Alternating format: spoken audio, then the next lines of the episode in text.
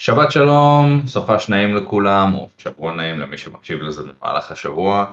אה, אתם הגעתם לעוד פרק פנטסטי של פליקס and קליקס, שמי איליה, ואיתי נמצא. שלום לכם, אני מור. ה-co-host האהוב עליי, והיחידי שלי. בינתיים האהוב, עד שזה ישתנה. בינתיים, אה, פרק הבא יש לנו עוד מישהו, לא? כן, יהיה לנו אמ, שם איגור. בשם איגור, אה, הוזכר גם בפרק הקודם, אה, אנחנו עושים אה, לור כבר, לעמוק, לתוכנית זה חלק שלנו. מהקאנון שלנו. בדיוק. אמ, אז אנחנו קצת נדבר היום על, אה, כמובן, כמו תמיד, נושאים שקשורים לגיימינג, סרטים, קולנוע וסדרות. אמ, דבר ראשון שאנחנו כזה נכסה זה יהיה סביב כל נושא דיסקורד, ובכללי לאחרונה גל הפיטורים המדאיג שיש בהייטק ובפרט בגיימינג. אמ, שנראה גם שרק התחיל. כן, זה, זה, לא, זה לא נראה כאילו זה הולך לעצור, וזה לא, ממשיך לא. וממשיך וממשיך. אה, זה כאילו layoffs היו תחת זה, ומייקרוסופט, אנחנו ניגע בזה. אה, משהו שקצת קשור לזה, אבל גם לא כל כך, זה כל הסיטואציה של פאל וורד versus פוקימון. אה, מניח שבאיזשהו שלב כולם שמעו על פאל וורד, ראו את הטריילרים היצורים החמודים ורובים, אנחנו גם ניגע בזה. אה, משם אנחנו נעבור קצת לקולנוע, יש לנו אה, את האוסקרס, עוד לא התחילו, אבל זה יקרה במרץ, אבל אנחנו היה- כבר... היה שידור חגיגי למועמדויות. זה עם, ה nepo baby האהוב, שזה קווייד, אה, אנחנו אוהבים אותו. Um, ואנחנו נדבר קצת על Succession, מור סוף סוף סיים, סוף סוף. אה, ואנחנו סוף סוף, לא, תקשיב, יודע מה, אני אומר סוף סוף כאילו לקחת את ה sweet time שלך, לא, אתה, אמרתי, אתה חיה רעה וזה זה, זה פסיכי באיזה קצב אתה עושה את זה, אני, לא, אני חושב שלחלוטין יש איזשהו בלנס טוב, אתה יותר בסדרות וקולנוע, אז זה לא שאני לא מבין בזה, אבל אני יותר בגיימינג, כאילו, אה, לפחות אני מרגיש כן. ככה. אני מרגיש זה- שאתה משחק בהרבה יותר דברים ממני, כאילו, זה יותר משחקים. זהו, מרגיש שיש לי קצת יותר הבנה שמה, אה, אפילו המעריצה שגרה איתי אמרה שזה מרגיש, ש, ש, שזה מרגיש יותר טבעי לי כל הנושא של הגיימינג, אז אה, סביר להניח שזה לא רק אני מרגיש את זה. אה, אה, אחרי יורשים והאוסקר נעבור לדבר קצת על, גם על פור things שעלה אתמול בישראל, אה, ועוד קצת סרטים שכל אחד מאיתנו ראה. יש לנו, יש לך קצת רשמים על אסטרואיד סיטי, נכון? אה, נכון, אנחנו קצת נדבר על מה ראינו, מה עשינו עכשיו. אה, בעיקרון, אני לא, בוא נגיד את זה ככה, לא יצא לי יותר מדי. אה, אני אתחיל עם מה ראיתי. אני סיימתי סוף סוף, עכשיו אני, זה, זה באמת אפשר להגיד סוף סוף, סיימתי עם סקוט פילגרם versus the world. הללויה.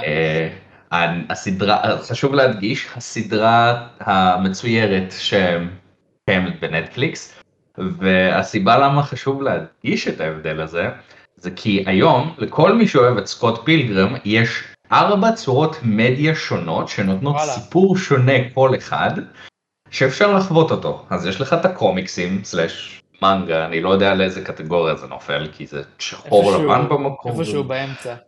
זה סיפור אחר לחלוטין, זאת אומרת, כן יש את ה story beat שהם עוקבים שהוא נלחם באקסים וכל הדברים האלה, אבל... זה אבל רק הסיפור לא, זה- הראשון, לא? או כאילו הווליום הראשון או משהו כזה.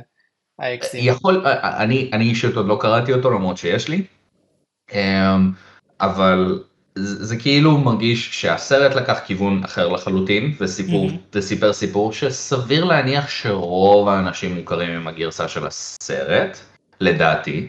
אמ, ואחר כך יש גם את המשחק שיצא, שהסיפור, נכון. זהו, הסיפור איתו קצת מצחיק, כי הוא דומה יותר לקומיקסים אני חושב, מהמם. אבל שוב, אותו, אותם story beats פחות או יותר, אבל uh, מה שמצחיק לגבי המשחק ספציפית זה הוא במקור היה זמין ל-7th gen, זאת אומרת לדור השביעי של הקונסולות, שזה היה האקסבוקס 360 והפלייסטיישן 3. כן. ובגלל שזה היה licensed property, זאת אומרת, באיזשהו... אז זהו, יוביסופט באיזשהו שלב לא חידשו את החוזה עם יוניברסל, והמשחק אה, מעולם לא קיבל, כאילו, אם, אם קנית אותו מגניב, אם לא, נדפקת. זה היה כזה תקוע בלימבו, וכמה שנים אחרי זה, אחרי ניגור של המעריצים, הם הוציאו גרסה לארבע, אז לדור הבא של הקונסולות. אז מי שלא שיחק ורוצה, יש, יש עדיין את ההזדמנות. והגרסה האחרונה שהם יכולים לחוות זה הסדרה. אמ, אני מאוד נהניתי. Mm, אני, אני, אוקיי. אני, אני חושב שבאמת האנימציה זה מדהים, אני חושב שזה היה הכיוון הנכון לקחת את זה. הם, הם, לפי מה שהבנתי הם נתנו לסטודיו יפני לעשות את האנימציה. וואלה, אה, מגניב. יכול להיות שיש פריימים או שוטים מסוימים שצוירו על ידי אנשים אחרים, כי זה תמיד קורה, גם Into the Spider-Verse זה היה, וסרט של צבי הנינג'ה תמיד יש איזה mm. כמה סצנות שמישהו לבד בונה, ואז מאחדים את זה, שזה בכלל מטורף כשחושבים על זה. פסיכי, איך שזה אה, קוהרנטי, זה מדהים. כן, אני חייב להגיד שמאוד אהבתי את זה שהם לקחו ספין על הסיפור ושינו אותו ממה שאנחנו מכירים. כאילו לא מספיק שיש לך שתי גרסאות שונות, עכשיו יש לך עוד שלישית טכנית. אה, מה שיפה בזה, זה ה... כן. כאילו, אתה מרגיש שזה כאילו מרפרנס כזה, כי האזהרת ספוילר, השני הפרקים האחרונים פחות או יותר, הם כאילו לוקחים טיימליינים אחרים.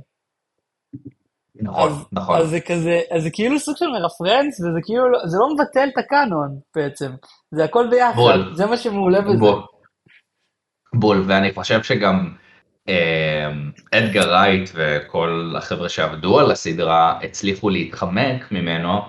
הרבה אנשים התחילו כבר להתעייף מהקונספט של מולטיברס.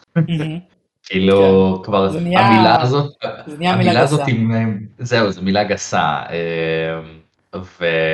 ואני חושב שהוא לא, זה לא הוזכר פעם אחת, אז, אז זה כזה, הצליחו להתחמק כי זה כמו שאמרת, זה רק בשני הפרקים האחרונים רואים את זה. אה, זה גם כאילו אינקונסקוונצ'ל כזה, זה לא באמת מהותי ל...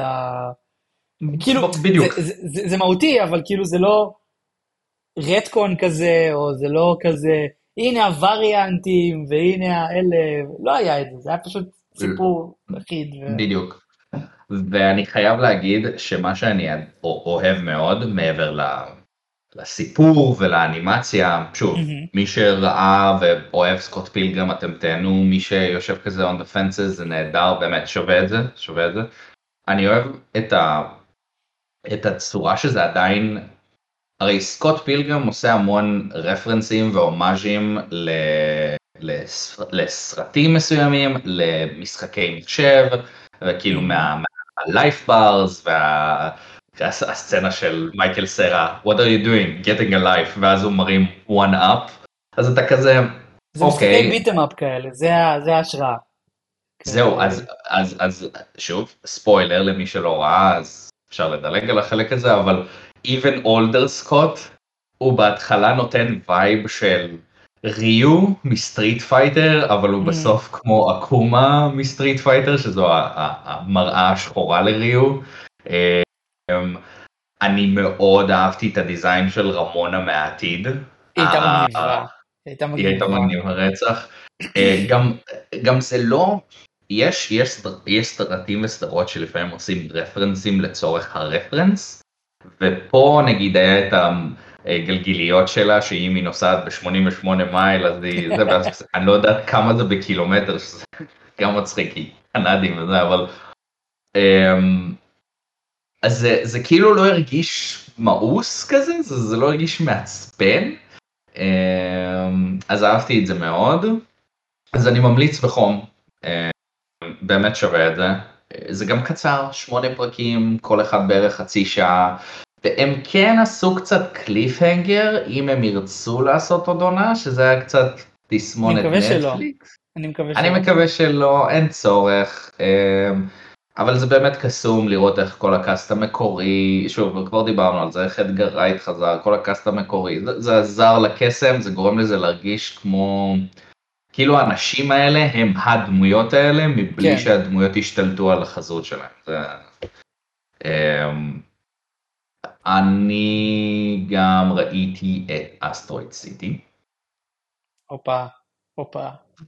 אה, מור, אני... ואת בודפשט, לא? אה, לא, בודפשט כבר הייתי מזמן. לא עשית ריוואץ'? לא, אה, לא, כי זה עוד טרי לי בראש פשוט בגלל זה. סבבה. אוקיי. אה, אני לא אהבתי אותו. אני לא אהבתי את ה... באמת? אני... למה? אז אני אסביר. קודם כל, שאלתי אותך בפרק הקודם, אם אתה חושב שאסטרואיד סיטי הוא נקודת מפתח טובה, זאת אומרת נקודת התחלה טובה, למישהו שרוצה לחפות את הסגנון של וס. ואני חושב שזה הסרט האחרון שהם צריכים לראות. וואלה. אני אסביר. הסגנון אין שני לו, אוקיי? הסימטריה, הצבעים, צבעי הפסטל, הלוק של הבי הורר, B sci-fi movies כזה כמו הפולשים ממאדים רק עם יותר ליטוש וס אנדרסוני. מדהים, אני אוהב את האסתטיקה. אין לי שום תלונה והקפיצה עם המחזה שאז המחזה משנה את המצלמה להיות מצלמה שמזכירה יותר צילומי סיטקום ישנים או SNL ואז mm-hmm. זה הופך למשהו אחר בזה. מבחינת סטייל יש לו. זה גם אחת הסיבות למה רציתי לראות אותו במקור, הסטייל שלו. Mm-hmm. אבל הבעיה שלי עם הסרט זה שהוא style over substance. כי אני מרגיש שבניגוד לבודפשט, mm-hmm. אין מספיק רגש מהדמויות. זאת אומרת, יש את, ה- את ה delivery הקלאסי שווס אנדרסון אוהב, שזה dead pan look ולא יבש, אבל זה נטול רגשות, ואז mm-hmm. כשהרגשות צצים זה מאוד קופץ לפרצוף שלך, והיו את הקטעים האלה כשכולם מאבדים את זה לקראת הסוף בטקס אה, ההנקה השני של הצ'ק, שהחייזר, mm-hmm. חוזר. אבל אני כזה, השחקן שנראה לי שהביא הכי הרבה אמוציות למסך היה איידריאן ברודי בסצנות של המאחורי הקלעים של ה... הוא היה מעולה, הוא היה מעולה. הוא היה מעולה, הוא היה מעולה. אני מאוד אהבתי את המערכת יחסים או את הסצנות בין שוורצמן לג'והנסון, לסקארל ג'והנסון. מדהים, זה, הכימיה ביניהם זה, היה משוגעת. זה היה טוב, אני מאוד אהבתי את זה, אבל זה הרגיש עדיין שרוב הסרט חסר רגש, אין באמת סיפור, כאילו הבנתי, גם בת זוג שלי ראתה את זה, והיא אמ-, אמרה, אתה חייב לי על זה, כאילו, כי היינו צריכים לראות את זה לקראת הפרק, אז אמרתי לה, אין בעיה. כן, כאילו בדרך כלל יש לנו חוק בבית שאני בוחר סרט ואז היא בוחרת סרט ואז זה ככה אז אמרתי לה טוב השלושה הבאים שלך כאילו. ו... והיו גם נקודות שהרגשתי כאילו מתי הסרט ייגמר וזה לא סרט כזה ארוך שעה וחצי כן? כן. כאילו style over substance זה יותר סגנון מאשר משהו מהותי בתוכו. לא הרגיש שהיה סיפור לא הרגיש שהיה איזושהי התפתחות. הבנתי מה קרה קרה הרבה אבל באותו זמן לא קרה המון. אתה מבין? כאילו mm-hmm. זה התחושה שאני יצאתי. עכשיו חשוב לי להגיד אני לא חושב שזה סרט גרוע כן כי זה עדיין מצולם טוב והשחקנים עושים עבודה טובה זה לא ש... זה לא ש... זה לא שזה מרגיש זול כן mm-hmm. אבל אני חושב שזה פשוט א' לא הסיפור הראשון שהייתי מראה כדי להציג מה זה וס אנדרסון אני עדיין חושב שבודפשט הוטל הוא, הוא, הוא ה... זה כאילו מרגיש שיש שם סיפור יותר קוהירי הרגשות יותר קופצות למסך. קופצים. כן, קופצים, קצת יצא לי עברית מינוס. אני פשוט לא הייתי מציג את זה כסרט ראשון. וגם הלכתי, אתה יודע, אני אפילו אחזק את זה, הלכתי אחר כך, אחרי שכבר הגדתי את המחשבה שלי, הלכתי לא לסרטוני יוטיוב לראות איך מי מנתח את זה ואומר, אסטרואיד סיטי זה actually good. הלכתי ורציתי לראות בלטרבוקסט מה ציונים שאנשים נותנים. כן. וזה כזה overwhelming בין שלוש וחצי לארבע אבל ראיתי המון חמישיות גם. והרגשתי שכאילו זה רק מחזק את מה שאני אומר שלדעתי זה לא סרט גרוע. פשוט הוא לא עשה שום דבר בשבילי. ו... הש... השאלה היא מה כאילו איך שאני רואה את זה זה mm-hmm. סרט שה... כאילו אין לו כל כך מסר כי בעצם זה איזה שלושה רבדים של סיפור. יש את העולם האמיתי, יש את בריין קרנסטון בתוכנית טלוויזיה, ויש את המחזה. והמחזה נכתב, ויש גם את הבן לבן, שזה כאילו מאחורי הקלעים של הליהוק של המחזה. נכון. וזה כאילו הסיפור של אדריאן ברודי והשברון לב שלו, ושכאילו המחזה נכתב על זה, ושהבת זוג שלו אמורה להיות כאילו הדמות של אה, מרגו רובי. ג'ואנסון כאלה. כן, מרגו רובי זה... מרגו רובי זה כאילו במציאות, וסקארלט ג'והנסון משחקת כאילו את הדמות שהוא כתב עליה, אני חושב. כי היא זאת שעוזבת את אה, ג'ייסון שוורצמן בסוף, וזה כאילו הומאז' לעזיבה של... אה, אני חושב שזה כאילו, למחזה אין באמת פואנטה, וזה תלוי אם אתה כצופה חושב או מרגיש שהפואנטה צריכה לבוא מהמחזה. כי הוא פשוט כאילו רמה אחת בתוך הסרט, אז השאלה אם הפואנטה צריכה לבוא ממנו, או שאתה פשוט רואה כאילו את הסיפור של מישהו שנשבר לו הלב וכתב על זה מחזה. אתה מבין מה אני אומר? הבנתי אותך, אוקיי. תלוי כאילו אומרת... איזה מין סיפור אתה חווה ורוצה להרגיש, אולי. אוקיי, אני, אז קודם כל זה טוב שאתה מעלה את זה, כי שוב, אני חושב שזה בין הנושאים הראשונים שאנחנו לא מסכימים עליהם. אבל... אתה טועה. אמ, לא, אבל אני פשוט חושב, אני, אתה מעלה פה נקודה לגיטימית ובגלל זה אני לא פוסל את הסרט. אני פשוט חושב שבשבילי הוא לא עשה משהו, והעניין הוא שגם ראיתי אחר כך את הקאסט קצת מדברים על זה, אה, שהשחקן ששיחק את מונטנה, אני לא זוכר את שמו, אבל uh, הוא זה שגם גילם את היטמן באחד מהסרטי היטמן המזעזעים. אוקיי, אוקיי. Uh, זה תמיד מוזר לראות אותו עם שיער. Uh, אבל... זה ההוא שהיה עם המורה? עם הבן, עם הבת של... כן, כן, כן, כן, כן, הקאובוי, הקאובוי. כן, אני יודע, אוקיי, אוקיי. אז um, הוא וגם המורה שמשחקת ב Stranger Things, um, היא הייתה אחת מהטינאייג'רים שעובדים בחנות גלידה. שוב, אני לא זוכר את השם. אה, זאת הבת של איתן הוג. נכון, ברח לי, אה, בת זוג שלי אמרה לי באמצע הסרט שהיא גם nepo baby, נכון? היא הבת של איתן הוג אה. ואמה טורמן, כאילו, זה הכי nepo. אבל היא גם בסדר, היא גם בסדר, אנחנו גם אוהבים אותה. לגמרי. הוא אמר שלסרט יש כל כך הרבה רבדים וזה דורש יותר מצפייה אחת כדי באמת לחוות את כל הסרט עצמו וזה. Mm-hmm. ואני מסכים עם זה שיש סרטים שדורשים צפייה שנייה ואתה חווה משהו אחר לחלוטין, mm-hmm. אבל הסרט לא גרם לי לרצות לראות אותו שוב.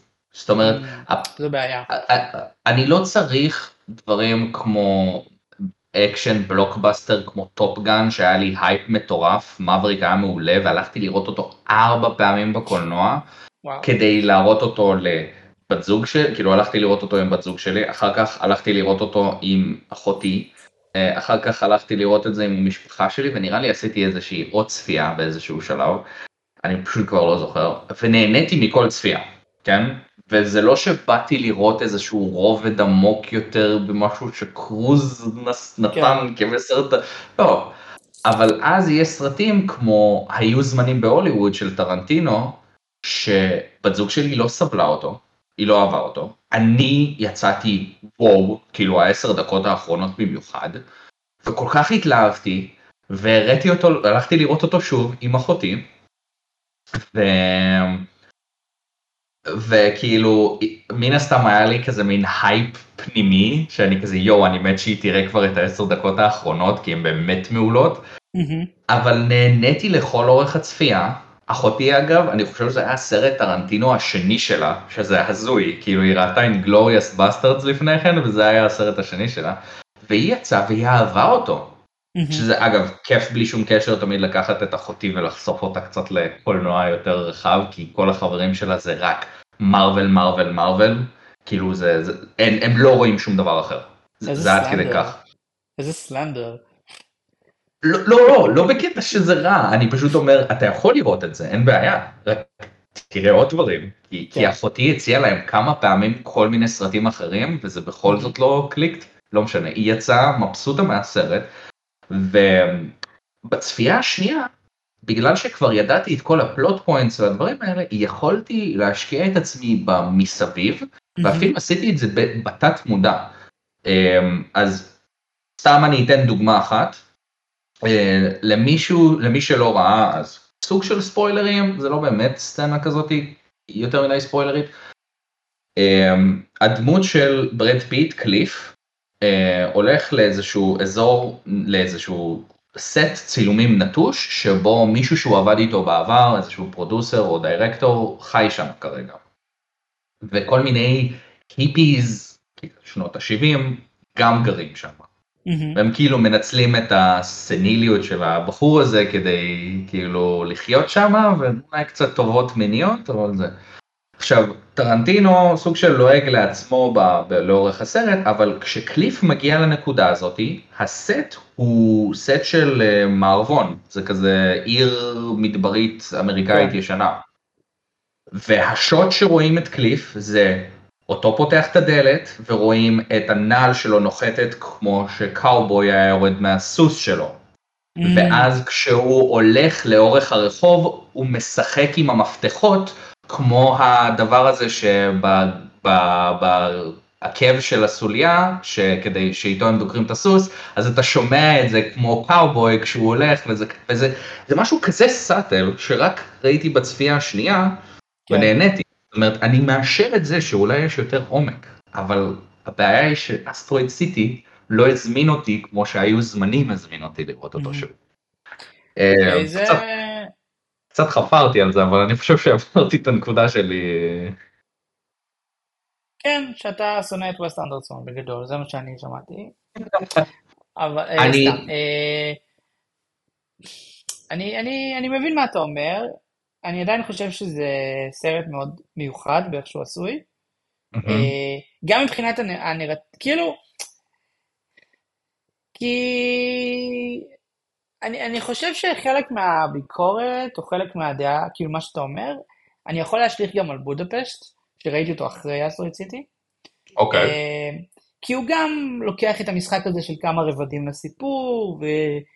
וכאילו יש את הרגש הזה של הדמויות בפנים וזה, אבל נגיד החלק עם האהובה שלו, של מיסטר אה, זירו, אני חושב, נכון? מה, של הבלבוי? כן, של הבלבוי בסיפור, שיש לו את האהובה, האופה. Mm-hmm. זה כזה הרגיש מאוד שזה הגיע בסוף הסרט, כנראה אני פספסתי משהו בהתחלה, אני לא יודע להגיד, אבל הרגיש שזה כאילו הגיע די בסוף הסרט כזה. אה, כדי להוסיף איזשהו מימד רגשי יותר לדמות. אה, כי אם אתה מוריד למשל את זה, אז אני מרגיש שהם מאוד דומים, זה ואסטרואיד סיטי. אני לא, אני אגיד לך, אני אגיד לך למה אני לא חושב ככה, כי אני חושב שפשוט באסטרואיד סיטי היה המון קצת, לא שזה למשהו ספציפי, אבל היה קצת את המטה נרטיב עם המחזה וזה. והרגיש לי שבבודפשט לא היה לך יותר מדי רבדים, זאת אומרת היה לך את הסיפור עצמו שמתחולל ואת הסיפור בבית מלון בזמן האמיתי שהוא בעצם מספר את הסיפור על השני שאנחנו חווים. Mm-hmm. אני לא הרגשתי שהאלמנט הרומנטי הזה... כי... יש עוד רובד. ש... ש... כל זה מתחיל מזה שאיזה מישהי קוראת סיפור שבו המספר מספר על זה ש... מישהו היה במלון, והמישהו סיפר לו על. סיפור במלון. אוקיי, אז וס אנדרסון אוהב לעשות את זה. אני, זה נגיד חלק שקצת מחקתי מהראש, כי פשוט מאוד התמקדתי על השני רבדים, כי פשוט mm-hmm. השני רבדים בפני עצמם כסרט הרגישו לי הרבה יותר קוהיר. אני לא יודע, אני מאוד אהבתי גם את הצורה שרלף פיין שיחק שם בסרט, הוא היה מאוד, האנרגיות שלו היו מאוד טובות, והוא כן הביע המון... בבודפסט? כן, הוא, הוא הביע המון רגש, ומאוד אהבתי אותו בזה. גם, גם הנושא עם נאצים שם והכל, זה, לא יודע, זה... כן. כסיפור בפני עצמו, גם אם אתה לא מסתכל על איזשהו עוגת שכבות שווסט בונה, זה, mm-hmm. זה, זה, זה יכול לעמוד על עצמו, ומרגיש לי ש... זהו, ומרגיש לי שזה יכול לגשת יותר, זה יותר נגיש לקהל רחב יותר, לדעתי בגלל זה אסטרויד סיטי, בגלל הכמות רבדים וקצת היכרות עם הבמאי, היא לא, בגלל זה אני אומר, זה לא סרט גרוע, אני פשוט חושב שאני לא נהניתי ממנו וגם בת זוג שלי לא. לגיטימי, לגיטימי. מה... ודבר, וזה, זה, זה בעיקרון מבחינת מה שראיתי, מבחינת כן. מה ששיחקתי, אני אהיה די קצר, סיימתי כמה מהמשחקים עם הסגירות שרתים הקרובות בסוני 3, דיברתי עליהם בפרק הקודם. כן, הפומו מאוד קשה. אמ, היה לך רגע אימוג'י שצץ על ה... כן, היה לך מין... היה לך לייק כזה. מו, זה הדיסקורד חשב. יש לנו פנטום ויוארס כנראה, אני לא יודע. יכול להיות. אמ, אני חייב להגיד שכל פעם שאני שומע את המילה פנטום עכשיו, המוח שלי הולך אוטומטית לפנטום פיין של מטאל גיר, ואז יש לי את הציטוט בראש, why are we still here? just to suffer. אני כזה, כל מיני מימס הרסו לי את המוח, אבל אני לא הדבר העיקרי, עליי כזה. אני גם לא. הדבר העיקרי כן. ששיחקתי היה בימים האחרונים שיחקתי ב-GTA 5. שלפני כמה פרקים דיברנו על רוקסטאר ועל המנטליות יצירה שלהם בגלל ששש יצא. אני נותן גילוי נאות, ל... לא גילוי נאות, אבל נותן אזהרה חוזרת. כל מי שמעוניין לעשות 100% המשחק הזה, אה, לפחות, בגרס... ב... לא, לא, לפחות בגרסה של הסוני 4, יש פיצ'ר של הווידאו אדיטור שהם הולכים להוריד ב-20 לפברואר, וזה אומר שחלק מהרשימות גביעים בהרחבה לא יהיה אפשר לעשות אותם. צריך לסיים את כל הסיפור בשביל זה, אז בגלל זה אני, אוי, כן. מה לגבי, מה לגבי פלייסטיישן 5? זה גם שם קיים? לא, לא, לא, לא. הם אמרו שזה פיצ'ר שהם מורידים רק מהארבע, כדי להוריד, הם, הם טוענים שזה עניין של להוריד עומס על המערכת או משהו כזה. זה editor, כאילו, בשרת שלהם? אני לא מכיר את הפיצ'ר, אז כאילו... זה, הם הוסיפו את זה באיזשהו שלב שאתה יכול לצלם, כאילו אתה יכול ללחוץ ובעצם לעשות screen recording אה, למה שקורה, ואז okay. אתה אוקיי. יכול להעלות את זה ל Social Club. אני לא יודע, לא, לא התעמקתי זה, בזה. זה, זה באונליין אבל או שזה ב story? אתה יכול גם ב story וגם באונליין לעשות את זה. ולמה שלא תעשה record דרך הפלייסטיישן? כי זה בלי UI כאילו? יכול להיות, יכול להיות שיש לך פיצ'רים של editing. אני, אני לא יודע למה, אני פשוט יודע שהייתה תקופה שהרבה אנשים היו עושים machinimas במשחקי GTA, אז אולי בגלל זה זה נבע מזה. משינימה. זה, אתה, אה, Red vs Blue, זה, אתה בעצם לוקח את המשחק, ואתה כאילו עושה תנועות פשוטות, נגיד Red vs Blue זה, השתמשו בהיילו קומבט אבולב, ואז okay. כדי או שהם מדברים, הם היו כאילו משתמשים באקדח הפשוט, ואז הם היו כזה מרימים אותו למעלה למטה, כדי שזה יהיה סימן שהם מדברים, כי אין לך פה באמת. אה, אוקיי, אוקיי, אוקיי, אוקיי. אז כאילו אנשים היו עושים אנימציות בתוך המנוע של המשחק, ומעלים את זה כאיזושהי סדרה קומית או משהו הבנתי, כזה. הבנתי, הבנתי, אוקיי, הבנתי. Um, היו כאלה גם ב-GTA 4, אני זוכר וזה. כן, אני אהיה קצר לגבי זה, GTA 5 משחק פנטסטי, סיפור הוא לא חזק כמו חלק מאחרים, יש קטעים מאוד טובים, היחסים בין פרנקלין למייקל הם מעולים, טרוור הוא דמות עדיין נוראית שיש לה קטעים קטנים שהם ספציפיים וטובים. אמ, אני נהנה ואני אתגרתי את עצמי, כי כבר סיימתי את המשחק, אמרתי נעשה את זה קצת אחרת, אני עושה אותו בפרסט פרסן. כאילו, אוי ואבוי. גם הנהיגה, גם הנשק, הכל, הכל בפרסט פרסן. אוי עד. עכשיו, עד עכשיו הולך לי לא רע. אמ, אני כאילו כבר כמעט מעבר לחצי מהסיפור. אני כן אגיד רק שלהטיס מסוק זה לא בעיה, אבל קשה לתפוס דברים אם אתה צריך עם קרבו, קרגו בוב, כי אין לך, אין לך רפרנס לאיפה אתה נמצא בדיוק. אבל, אבל זה טוב, זה, זה, זה, זה משחק מעולה. אמ, אז זהו, זה, זה מה שאני עשיתי. אמ, מה איתך מור? מה, מה אתה ראית? מה אתה עשית? נעשה רנדאון מהיר. אני אתחיל מה, מהקצרים יותר לארוכים יותר.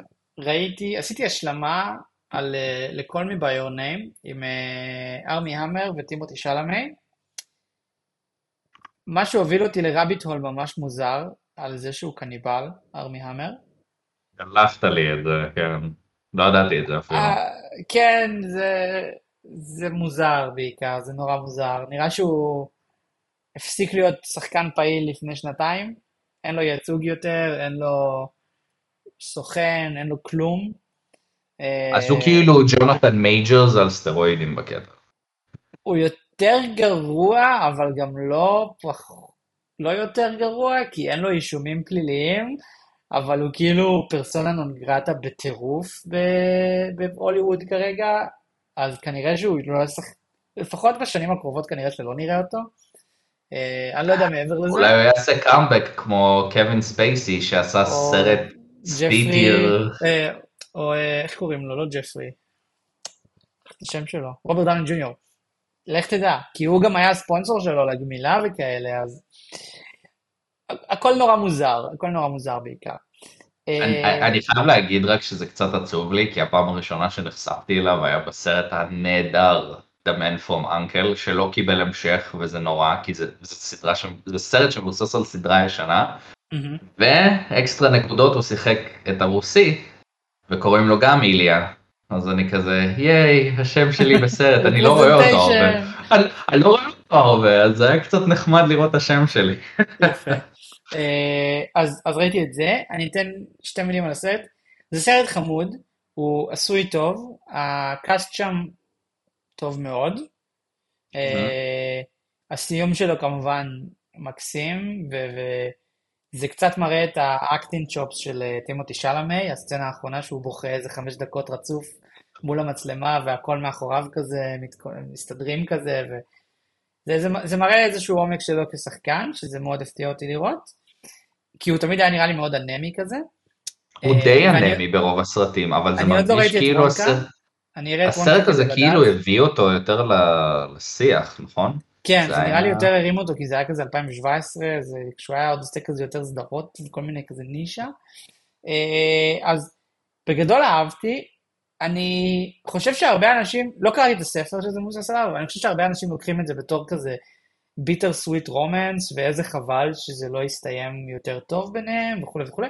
אני דווקא חושב שזה הסיום האידיאלי, אה, ושדווקא הקשר שמוצג שם, נראה לי לפחות קצת רעיל, ב- באיך שהוא מוצג, כי כאילו הדמות של אה, ארמי היא מאוד כזה, הוא מאוד בארון ומאוד מכחיש ומאוד כזה הכל בשושו כזה, וזה נותן לזה כזה מימד של כזה סוד ושזה רע, ובכלל ההורים של, אה, ההורים שם כאילו הכי תומכים שיש, האבא, זה הבנתי אחרי זה כשקצת גיגלתי, אבל לאבא היה עבר כאילו ביסקסואלי, אז, אוקיי. ויש להם זוג חברים אה, הומואים, אז כאילו, וזה שנות ה-80, אז כאילו אתה לא מצפה שהם יהיו כאלה זה, אבל זה אירופה, אז כולם מאוד אה, פתוחים ואוהבים משתספים טופלס. אה, בדיוק. אירופאים. אז, אז אירופאים, אז כאילו, אז הדמות של ארמי עמר הביאה מין קרירות וארוניסטיות אה, אמריקאית כזאת שמתביישת,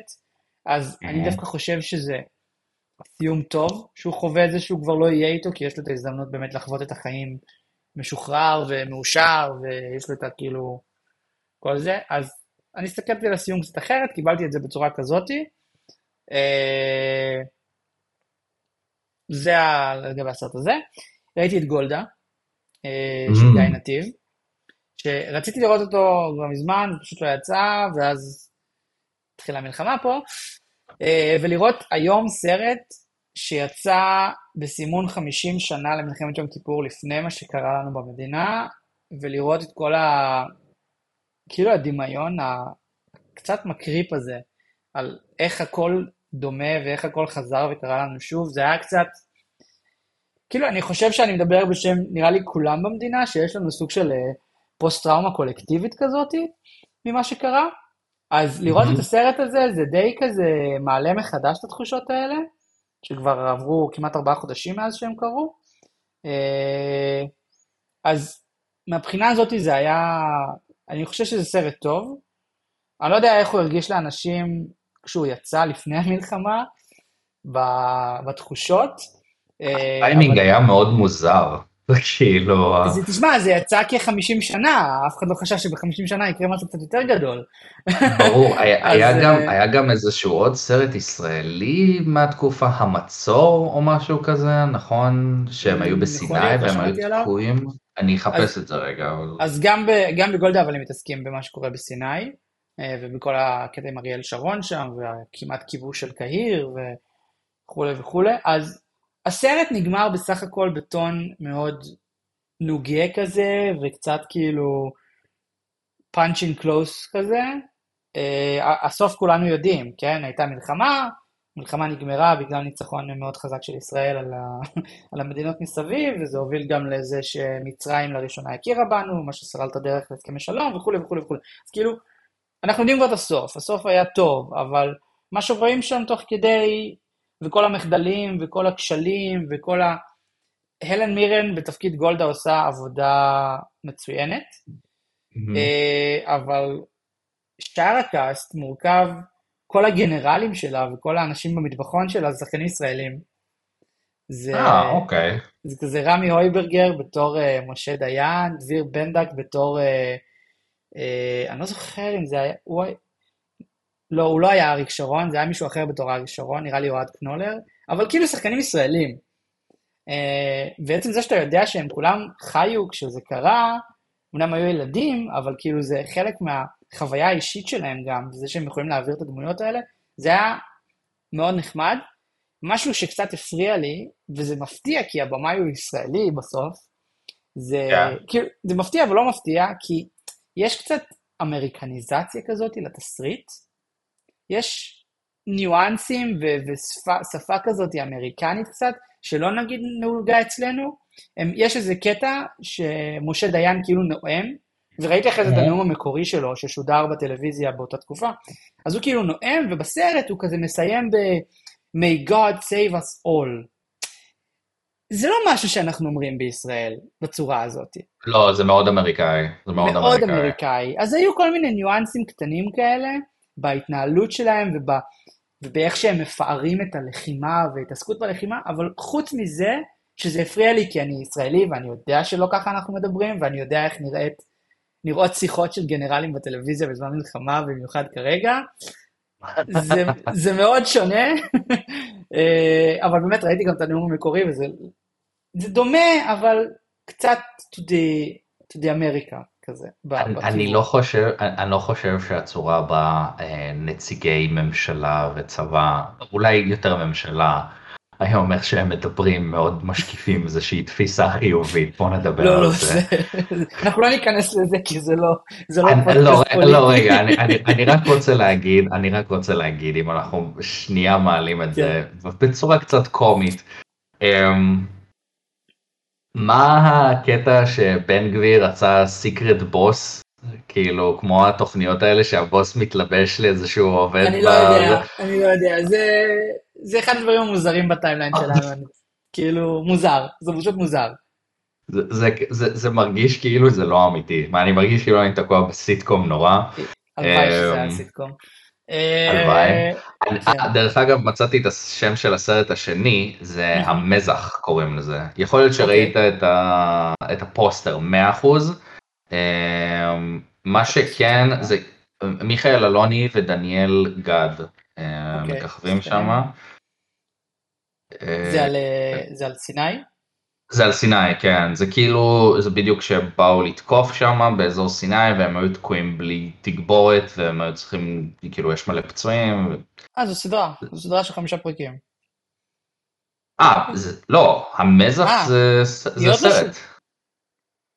רגע, אני, יש שני דברים, בוויקיפדיה יש סדרת דרמה מלחמה בת חמישה פרקים. לא, לא, יש סרט, יש סרט, יש סרט. אה, כי ה... הסדרה הייתה אמורה לעלות ב-9 באוקטובר, אבל מסיבות שאנחנו מבינים היא נדחתה ועוד לא שודרה. Mm, אה, אוקיי. אז המזח, זה בדיוק על זה אבל, אז אתה בטוח שיש גם סרט? יש סרט, כי אני רואה פה בטריילר המזח, החל מהשלישי לשמיני בקולנוע. אני אה, חושב שזו הסדרה, אני חושב שזה... לא, זה סרט, נכון. מוז... טוב, אנחנו, נבדוק את זה, אני אראה את זה אם זה זמין, כי זה מעניין אותי עכשיו. ומשהו אה, שרציתי להגיד לך לגבי האמריקניזציה, לדעתי הצורה שעושים את זה, זה כי כשאתה רואה סרטים זרים, לכל מדינה יש איזשהו קטע שהם אוהבים לעשות, זאת אומרת, כן. אה, צורת צילום, בחירת צבעים מסוימת, אה, צורת משחק. אני חושב שפשוט האמריקניזציה מנגישה את זה לקהל רחב יותר. כן, זה לחלוטין סרט ש... אני, לא, אני צריך להסתכל קצת על ה accolades שלו, אבל זה לחלוטין סרט שמרגיש שהוא מיועד לקהל הבינלאומי ולכזה להראות גם סיפור מאוד מאוד קשה וגם אה, לתת פה שואו של שחקנים שעושים עבודה טובה ו- וכאילו קצת אה, אמריקאי כדי למשוך קהל רחב. אה, אני מבין למה הוא עשה את זה. אני פשוט אומר שכישראלי זה, זה היה כזה. זה, זה מציק, זה מציק, כי זה, זה, זה, קצת, מעו, זה קצת מעוות את האמת, ש, כן. או, יותר נכון את הדיוק ההיסטורי, אבל זה בא כדי לשרת לטובת חשיפה יותר גדולה. גם אמריקאים מסלפים. גם של הסרט, כאילו, כי עושים את זה בסרטים היסטוריים לפעמים, עושים קצת את ה... אתה יודע, את הדרמטיזציה הזאת, כן. מוסיפים איזה קטעים שלא היו, כאילו, כן. כן. אה, אני בסדר עם זה, כל עוד זה לא גורע וגורם לבן אדם לרצות לקרוא עוד על האירוע ולדעת מה באמת קרה, אבל... אה, בסך הכל אני ממליץ על הסרט, אה, בעיניי זה סרט שעשוי טוב, אני נהניתי ממנו. הם גם משלבים שם כל מיני קטעים בשחור לבן של סרטונים אמיתיים של גולדה מהתקופה, וואי, אני חולה על זה שהם עושים את זה. זה מרגיש כמו ביופיק יותר מאשר כאילו סרט דרמה היסטורי כזה. אה, אז אני מאוד נהניתי ממנו, אבל יכול להיות שהוא יכה קצת אחרת עכשיו. אה, ראיתי את בודפשט, שכבר דיברנו ככה על דמיון, וזה פחות או יותר מה שאני חושב עליו גם, שהם מאוד דומים. אה, אני לא... ראיתי את כל הדברים של ווילס אנדרסון, אז אני לא יודע להגיד אם זה מוטיב חוזר מדי, אבל נראה שהוא אוהב את ה... מולטיפל ליירס לסיפורים. הוא אוהב עוגת שכבות, הבחור. כן, כן. אז אה, אני אהבתי אותו גם, אני עדיין חושב שאסטרואיד סיטי הוא נקודת פתיחה טובה, אני עדיין חושב את זה. אבל אני יכול להמשיך את זה עכשיו. אה, וסיימתי יורשים, סוף סוף. אנחנו נדבר על זה עוד בהמשך, אנחנו עוד רגע אבל... נגיע ליורשים, אנחנו קודם כל רוצים לעשות ככה משחקים ואז נגיע לזה. אה, וגולת הכותרת שראיתי אתמול זה את אה, מסכנים שכאלה בעברית, poor things באנגלית. אנחנו גם ניגע בזה בהמשך כי נכון. אוסקר וזה אוסקר נומני. יש לנו קצת נושאי סרטים לגעת בהם וקולנוע, אה, אז אני רק אומר את זה. במרוויל סנאפ אני ממשיך להפסיד, אז זה קצת כיף. כן, אני לא, אני, אז זה אחת העונות החלשות שלי, אני לא יודע מה נסגר, כאילו, יכול להיות שיש לי פשוט יותר מדי קלפים עכשיו, אז אני טובע בשפע של דקים, אבל אני מרגיש שאני כאילו... אני לא מספיק to catch up עם הקלפים החדשים שיוצאים כל הזמן, לא במובן שאני לא מצליח להשיג אותם, אני משיג אותם, אבל אני לא, כאילו ה meta היא shifting ברמה שבועית. ו... אה, וכאילו, okay. זה טוב, כי זה משאיר את המשחק מרענן, ואני משחק באמת בכל יום, אבל אני לא איזה streamer של Marvel Snap שיושב עכשיו שמונה שעות ביום כדי ללמוד את ה meta, אתה יודע, בעל פה, ולעשות experiment לכל סוגי הדקים, ואני משחק כמה ש... כזה, משחק בבוקר קצת, משחק בערב קצת, עושה את ה dailies בעיקר, אז כאילו, אני לא עכשיו חורש את זה שעות. אז, וזה משהו שכן עשיתי לפני, הייתי משחק הרבה יותר, ואז הרגשתי באמת שאני יותר שולט ב meta. זהו, אז, אז אני מרגיש שאני, ש, שזה משחק שכיף לשחק, אבל אם אתה רוצה להיות בטופ, אתה חייב ממש להכיר את ה meta, כי ה meta משתנה בטווחים של ימים. אבל זה נכון להרבה משחקי קלפים ו gacha בלי שום קשר. אם אתה רוצה להצליח, אתה חייב להיות נונסטופ. אתה צריך להיות כן. אישה סינית עם עשרה טלפונים שעובדים במקביל. כן, אז, אה, אז, אז כן, אני עדיין נהנה מהמשחק מאוד אבל. אה, אז נראה לאן אני אגיע בסוף העונה, יש לי עוד שבוע, שבועיים. לעונה, okay. אוקיי. אני מקווה להגיע לפחות ל-90, אני כרגע ב-80. זה כזה לא הרבה רמות, אבל היחסי ניצחון הפסד שלי לא כאלה חיובים, אז אני עולה מאוד לאט. אתה יודע שאחרי כל השיחות שלנו לאחרונה, מן הסתם האלגוריתם מאזין לי. בוודאי. תפסיק להקשיב לי. אה, הטלפון שלי פשוט פה. אז אני מקבל בטוויטר ובכל פלטפורמה אחרת פרסומות לסנאפ, ואני הייתי ככה קרוב מללחוץ על ה install button ב App Store. one of us, one of us. ואז, ואז, ואז לרגע קראו לי לטפל במשהו בעבודה ושכחתי מזה ולא הורדתי אותו. אל תדאג, אנחנו נמשיך לעבוד על זה שתגיע לשם בסוף. Oh my God. Oh אני, אני בעצם גם כולי פרסומת. אתה מבין? אני בעצם פרסומת מדברת, כמו שהיה ב South Park, שהפרסומות נהיות חכמות, אז אני פרסומת ב Marvel Snap. זה ה... אה, כן, אז וחוץ מ Marvel Snap היה קצת את ה... עוד לא מצאתי MMO מושלם, כמובן, אבל גם לא חיפשתי יותר מדי השבוע, כי היה קצת שבוע כאוטי. אה, שיחקתי ב Palworld עם כמה חברים, ולבד. אה, ונראה לי נתחיל מ Palworld ונעבור ל Blizzard וכזה נמשיך משם. Palworld משחק כיפי, הוא survival. רגע, רגע, רגע, על, על, על, בוא, בוא למקרה ויש צופים ומאזינים כן. שעוד לא מודעים, מה זה Palworld? אז למי שראה במקרה בטעות טריילר של יצורים שנראים כמו פוקימון, אבל הם לא פוקימונים, שמחזיקים קלצ'ניקובים ו machine guns, ויורים על יצורים אחרים, או עובדים ב sweatshops ומכינים רובים, זה וולד, זה survival crafting base building creature collecting game, שבו אתה, כמו כל משחק אה, הישרדות טיפוסי, אתה ספון בסרבר שלך, זה קצת כמו כזה ארק survival evolved כזה, או קונן, כזה מופיע באיזה עולם, אין לך שום דבר, ואתה מתחיל להסתובב ולצבור אה, רמות ולבנות בסיס ולתפוס יצורים. השוס מאחורי פאל וורד, שכולם וכל האינטרנט עליו כרגע, ואף אחד לא חשב שזה יצא באמת המשחק הזה, זה שכל היצורים שם נראים כמו איזשהו פוקימון. לא משנה. או יש להם אלמנטים של איזשהו כן. פוקימון. אתה, אם אתה תבדוק את זה מספיק טוב ותבחן מספיק לעומק, אתה תראה שכל יצור שם מזכיר איזשהו פוקימון באיזשהו אופן, או יותר מאחד. אה, זה לא השאיר הרבה אנשים אה, בשקט, המשחק הזה. וואו, המשחק הזה, אני חייב להגיד, פתח איזה שלושה תיבות פנדורה בו זמנית. לגמרי, לחלוטין. נושא אה, פוקימונים וכמה כן. המעריצים שלהם, אה, שטופי מוח, אה, שיח סביב נינטנדו ו-AI, זה כאילו, בוא, כן. כאילו, come at me, כן? זהו, אז אנחנו נעשה רנדאון, אני לא רוצה שנדבר רק על זה הפרק, כי אפשר לדבר רק על זה הפרק, וואי, זה פרק שלם בפני עצמו. אני, אני כן, אנחנו כן חייבים להתייחס להצלחה שלו. זה פרק ספיישל, אם תהיה תביעה של נינטנדו, נעשה פרק ספיישל על זה. אה, ברור. אנחנו חייבים כן. להתייחס להצלחה שלו קודם כל, כי אה, בכמות, כל יום, כמה זה היה? אנחנו באיזה חמישה ימים הם מכרו איזה שבע מיליון עותקים או משהו כזה. כן. זה ממשיך לעלות, זה ממשיך לעלות. כי כל יום כמות העותקים פשוט קפצה במיליונים, באמת כן. לרמה כזאתי, ו-concurrent players שבר שיאים בסטים. הוא עדיין שובר שיאים, הוא עדיין שובר שיאים. אז, אז מבחינת נתונים, זה משחק שזמין ב-early access כרגע דרך סטים ודרך גיימפאס.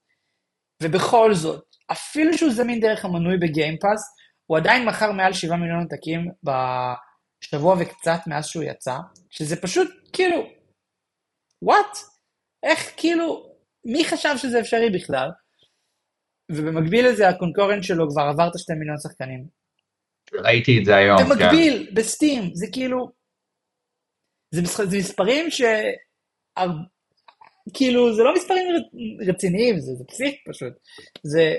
עצם זה שזה early access בכלל, ושזה משחק שעולה באזור ה-100 שקל בארץ, אני מניח... 30 דולר. 30 דולר, כמה הוא? 30, 30. סבבה. אז היה לו גם קצת הנחה כזה להשקה וזה, ל-early access השקה. אה, אז בקיצור, הוא, הוא, הוא מכר כמויות מטורפות וזה הביא לו הרבה תשומת לב, מה שגרם לזה שהרבה אנשים שאוהבים את פוקימון שמעו עליו וראו אותו, ולא אהבו אותו, בלשון המעטה. אה, יש מין תחושה כזאת שהם גנבו, אה, ויש, וראיתי קצת את הסגמנט של, של SkillUp השבוע, והוא מדבר גם על זה בהתחלה, כי אתה יודע, איך אפשר שלא, זה breaking news לגמרי. זה החדשות. לגמרי. אז נתחיל מהסוף, Pokémon Company אפילו שחררו הודעה על זה, על כל המצב. הם בוחנים כרגע את המצב. זהו, כי אז... היה אז... מוד, היה מוד שאיתו הם לא חיכו, cease and desist באותו רגע, זה פשוט היה מוד שהכניס את אש, את Team Rocket, פוקימונים החליפו את ה Pals, כן. זה כאילו, פה, כש... אנחנו מדברים על נינטנדו, they don't fuck around, הם, הם כבר, הם, הם דפקו אנשים שאירחו אתרים של, אה, של רומים, הם, הם שמו אותם כדוגמה, נתנו להם קנסות בסכומי עתק, הם, לא, כן? לא, הם, לא, הם לא חושבים פעמיים בקטע הזה. וכשזה נוגע לפוקימון ספציפית, שזה לא רק אחד ה baby שלהם, זה אם אני לא טועה זה ה franchise הכי רווחי בעולם. זה, זה מותג המדיה הגדול ביותר בעולם, הוא מכניס מיליארדים כל שנה. אז they don't fuck around. באותו וגם. רגע שהם ראו את זה, בום, כאילו... אז, אז זהו, אז ההודעה שהם הוציאו היא פחות או יותר, קיבלנו הרבה inquiries מאנשים לגבי Palworld, לגבי משחק של חברה אחרת, הם לא אומרים Palworld, אבל כולם מבינים על מה מדובר, אה, ושהם כרגע בוחנים האם היה שימוש בקניין או זכיין רוחני או ב assets. עכשיו, והם יבדקו את זה ו- וימשיכו בדרך הרלוונטית. עכשיו, מה שזה אומר, וגם הוא עלה, עלה בסגמנט של SkillUp על זה, זה שככל הנראה לא ישבו אנשים והסתכלו על פוקימונים ואמרו, אני אעשה את שלי דומה. לא. מה שככל הנראה היה, ויש פה שתי בעיות, זה שלקחו את המודלים ואת המשים התלת-מימדיים של פוקימון, שאפשר להוציא אותם בעזרת data mining, ויש אותם באינטרנט היום, והכניסו אותם ל-AI Generators, ל-Generative AIs כאלה, ומזה אמרו לו תעשה דומה, ו- וככה הם קיבלו את היצורים שלהם. אז אפילו ההעתקה פה היא, זה, היא גם גניבה, כי אתה בעצם לוקח כאילו ממש מודלים שמעצבים של פוקימון בנו ועשו, ואתה מייצר מהם משהו מספיק דומה שהרשת תכין לך. אז כאילו, זה, זה הבעייתיות הראשונה, והסמוקינג גן במקרה הזה. שדרך אגב, אם אני יכול להוסיף, mm-hmm. הם, החברה של פאל וולד יצאו בהצהרה שהי, יש לנו רק אומן אחד בצוות, הוא בכלל אינטרן, כן? ואני כאילו כן. אומר לעצמי, אז, אז אתם רוצים, כי היה גם ויכוח מאוד חזק שאנשים נכנסו במעריצי נינטנדו ופוקימון, אין שום קונפרמציה שהיה שימוש ב-AI. נכון, אבל גם לא הייתה הכחשה, אבל כשאתם אומרים לי שיש אומן אחד בצוות שלכם שהוא מפיק כאלה מודלים, פוקימונים. ואין לו המון ניסיון, והוא עוד אינטרן, כן, רק מה שמוזר בהודעה הזאת שלהם, זה שלאותו אמן יש ציוצים בטוויטר מלפני כמה חודשים, שבהם הוא נותן כדוגמה את האפשרות האפשרית, אבל הוא לא אומר מאיפה האפשרות הזאת הגיעה לעולם, של להשתמש במודלים של תלת מימד, של פוקימון, ולהכניס אותם למג'נרטים, ולהוציא משהו דומה, והוא אפילו מעלה דוגמאות. אז כאילו, זה אחד, זה קצת smoking gun מאוד, זה אפילו smoking bazooka הייתי אומר, לא gun, הבעיה השנייה, שאנשים יותר מוכשרים ממני גילו, זה שהם לקחו את המודלים של פוקימון, של פוקימונים מסוימים שאומרים שיש ביניהם דמיון, והם פישטו אותם ל skeleton שלהם, ל rig עצמו, באנימציה, ולקחו את הפאלים החדשים האלה, והאלה שדומים להם הם אחד לאחד בריג של האנימציה. כלומר... וואו, אוקיי, זה לא ראיתי, אני, אבל זה... אני לא אנימטור, אני אין לי את הידע ואת היכולות לבנות מודלים תלת-ממדיים ולהנפיש אותם, אני יודע איך לשחק עם זה, כי אני מכיר את זה מעבודה ומכל מיני דברים, אבל להגיע למצב שאתה מדייק ברמת הסקלטון, ברמת השברים וברמת כל החיבורים, לא סביר. אפילו מעבר ללא סביר. לא, לא, זה פשוט לא. אין הסבר, אין הסבר לזה. זה מסריח, זה פשוט מסריח, כל הסיפור הזה מסריח. אז ככל הנראה, מה שקרה זה שלקחו את המודל התלת-ממדי, אמרו לו, תכין לי mesh, תכין לי כאילו טקסטורה חדשה לעטוף את זה, וזה מה שיצא. אה, יהיה מעניין לראות מה יהיה עם תביעה של נינטנדו. אני חושב שלא בטוח שנראה cease and desist למשחק כולו, אבל אני כן חושב שהם ילכו על כיוון ה-pay-up, על ה-bitches, כאילו תביאו מלא כסף על כל הכסף שעשיתם. נינטנדו במצב הזה תכלס, הם יכולים לעשות מה שבא להם לדעתי, ועוד נינטנדו יש להם בטליון של עורכי דין. זה לא, אלה לא אנשים ו... שבאים לשחק. זה, מה זה... שהכי מוזר פה, זה ש... אנחנו שוב נפתח חזית עם הסינים, אבל הייתי מצפה שזה יגיע מסינים, דבר כזה. וזה סטודיו יפני. אולי זה מהגרים סין. יכול להיות, יכול להיות, יכול להיות. אבל, אבל זה שזה, זה שזה מהגרים סינים, זה מהגרים, זה שזה סטודיו יפני, בלבלת אותי. עכשיו זהו, עכשיו הממשל הסיני לחלוטין יחסל אותנו. אה, אה. זה שזה סטודיו יפני, שעשה דבר כזה, זה ממש מוזר. אה, כי גם זה במגרש הביתי של נינטנדו, אתם באמת רוצים כאילו...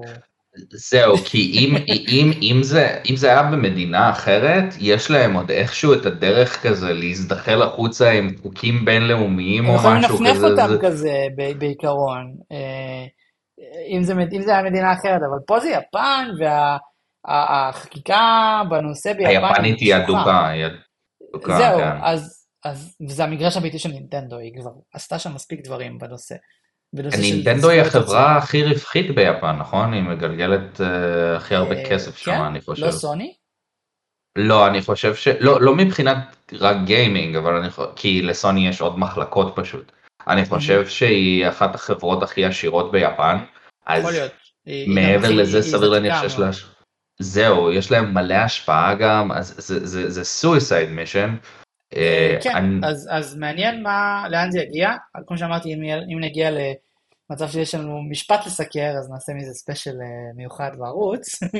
אה, אני, רוצה רק להגיד, אין לי משהו נגד Palworld כקונספט, כן? אני חושב שיצא מזה משהו חיובי האמת היא כלפי נינטנדו, כי גיים פריק בגלל נינטנדו בשנים האחרונות היו קצת, איך לתאר את זה, עצלנים. ואני, אני, לא, לא, לא במנטרת פיתוח שלהם, הם, הם תחת לחץ אסטרונומי כי הם צריכים להוציא כל שנה משחק. בדיוק. אבל בגלל הלחץ הזה הם נאלצים לחתוך פינות קצת, למחזר דברים וזה בסדר, סטודיו אחרים עושים את זה. אבל, המו, אבל כל, אני לא מעריץ גדול של פוקימון או יותר משחק לאחרונה מאשר אתה או כמה חברים שלי. אבל שמעתי תלונות על הכותרים האחרונים על ימין ועל שמאל, performance issues, באגים, דברים כאלה, ואני מסתכל על screenshots מ Palworld ואני רואה שהעולם מרגיש יותר חי, יותר מונפש, יותר צבעוני, יותר...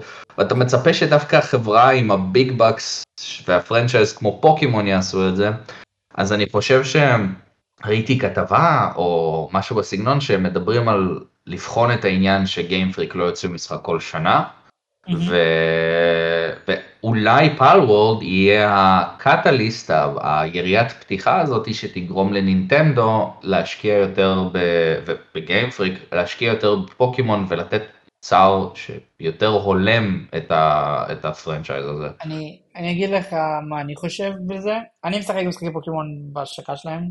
Uh, אני חושב שגיימפריק כסטודיו הם לא התקדמו באופן המלא ביותר לעולם של תלת מימד. Okay. אוקיי. כלומר... לקח להם המון גם לעשות את זה, המון זמן. אה, לקח להם המון זמן, הם בעיקר היו מוגבלים בטכנולוגיה, כי הם היו מוגבלים עם ה-DS, שמשחקי פוקימון היו יוצאים תמיד בהנדהלד, כלומר, משחקים ראשיים של פוקימון תמיד יוצאים בהנדהלד, זה הפורמט. כי אתה רוצה לעודד... שהסוויץ' הוא הנדהלד, אז זה כזה...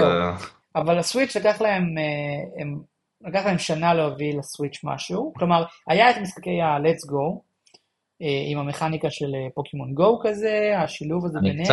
אני קצת התבאסתי ממנו, שיחקתי בו, אני מאוד אהבתי אותו. ציפיתי שיהיו מכניקות קרב יותר טובות, זה הקטע.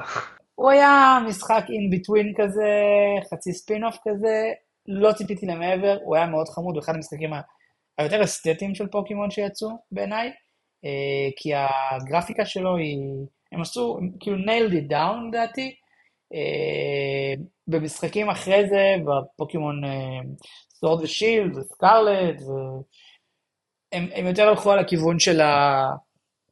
כאילו המודלים התלת-ממדיים ולא ה chibi כזה, ואני חושב שלקח להם המון זמן להבין שהעולם צעד לכיוון ה-open world ואקספלורציה וכל הדברים האלה, ולקח להם המון שנים להגיע לשם, וכשהם הגיעו לשם בסוף, אז הם, הם היו קצת מאחור, גם מבחינת האופטימיזציה של המשחקים, גם מבחינת כל מיני באגים ויזואליים, גם מבחינת כל מיני באגים כאלה, אבל בסוף אתה מסתכל וכל הנייסיירס אומרים כמה זה חרא וכמה זה גרוע, והם מחרבנים לאנשים על הפנים, והם אוהבים את זה, ונה נה נה נה, ובסוף פוקימון Shield, Sword ו Shield מכרו כמעט 40 מיליון עותקים, פוקימון Scarlet ו Violet מכרו באזור ה-30 ומשהו מיליון עותקים. המספרים מדברים, מספרים מדברים, וכנראה שבסוף, יכול להיות ש-30 מיליון אנשים הם טיפשים, כן? יכול להיות. אני, אני אגיד לך מהנקודה שלי פשוט, כי mm-hmm. אני חושב שאנשים פשוט מאוד מושקעים ב franchise הזה, וזה כמו שאני עם Assassin's Creed. אני יודע שחלק ממשחקי Assassin's Creed הם total ass, כאילו, okay. אוקיי. ואולי חלק יותר טובים. אבל אני כל כך מושקע בסדרה הזאתי, זה לא שאני מרגיש חייב, אבל אני פשוט כזה רוצה, ואני יודע שלפעמים יוביסופט יפקששו ולפעמים הם יקלעו. אז אני חושב שזו סיטואציה כזאתי, אני לא חושב שכמו שאמרת שגיימפריק עושים את זה בכוונה או מחרבנים mm-hmm. על השחקנים, אני פשוט חושב שהפאור וורלדס בגדול ייתן לשחקנים עכשיו אה, מוצר יותר איכותי, כי נינטנדו חייבים לעשות אפ, ואני גם אגיד יותר מזה, מה שמפתיע אותי, העניין הזה של הטרנזישן הזה של ה-3D, אני לא זוכר לאיזה קונסולה זה יצא, אבל היה לך את קולוסיום וקולוסיום DX. זה היה שהם... ב... N64? אה, בגיימקיוב. ואני אומר כאילו, זה היה, ראיתי גיימפליי של הדברים האלה, ואני אומר, זה נראה טוב, כאילו, חב... למה לא לעשות עוד כזה? כי... לא Game Freak פיתחו אותם. אה, אוקיי, זה ה catch. אני פשוט חשבתי ש Game Freak עושים רק את ה... אוקיי. הם עושים פוקימון, רק פוקימון, אבל הם עושים רק mainline games. כל הדברים האחרים זה license לסטודיו אחרים. אני לא זוכר מי עשו את, uh, את Colosseum ואת uh, XD Gale of Darkness, או איך שזה לא נקרא. Uh, כן, זה משחקים שהם מאוד ריגרדד היום, אבל גם המכניקה שלהם התיישנה, ולעשות רימייק שלהם יצריך הרבה שאפל לדברים, אבל כן שהם עשו תלת מימד באופן שהוא כביכול יותר עשיר ממה שיש היום. אני חושב שלפוקימון, אני לא בטוח שלעשות עכשיו ריבוט כזה, של לא נוציא משחק ארבע שנים, יטיב עם, אה, עם גיימפריק ועם פוקימון מבחינת האיכות של מה שייצא. לא כי אני לא חושב שזה, כאילו, יכול להיות טוב לתת להם מנוחה רגע ולעבוד עכשיו טוב טוב. הבעיה היא שגיימפריק זה סטודיו עם איזה 300 אנשים, זה סטודיו מאוד קטן.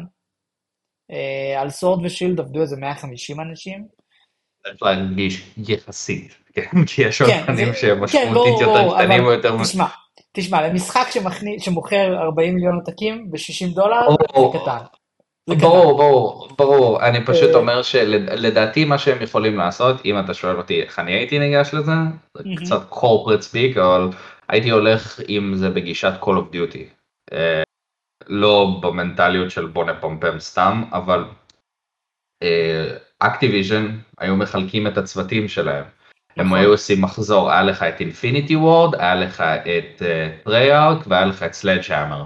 זה השלושה אולפנים העיקריים שהיו עובדים על Call of Duty, ואז כל אחד ב cycle אחר היה מחפה על האחרים ונותן להם עוד זה, development. זה מה שקורה היום בפוקימון, זה מה שקורה מאז ומתמיד בעצם בפוקימון.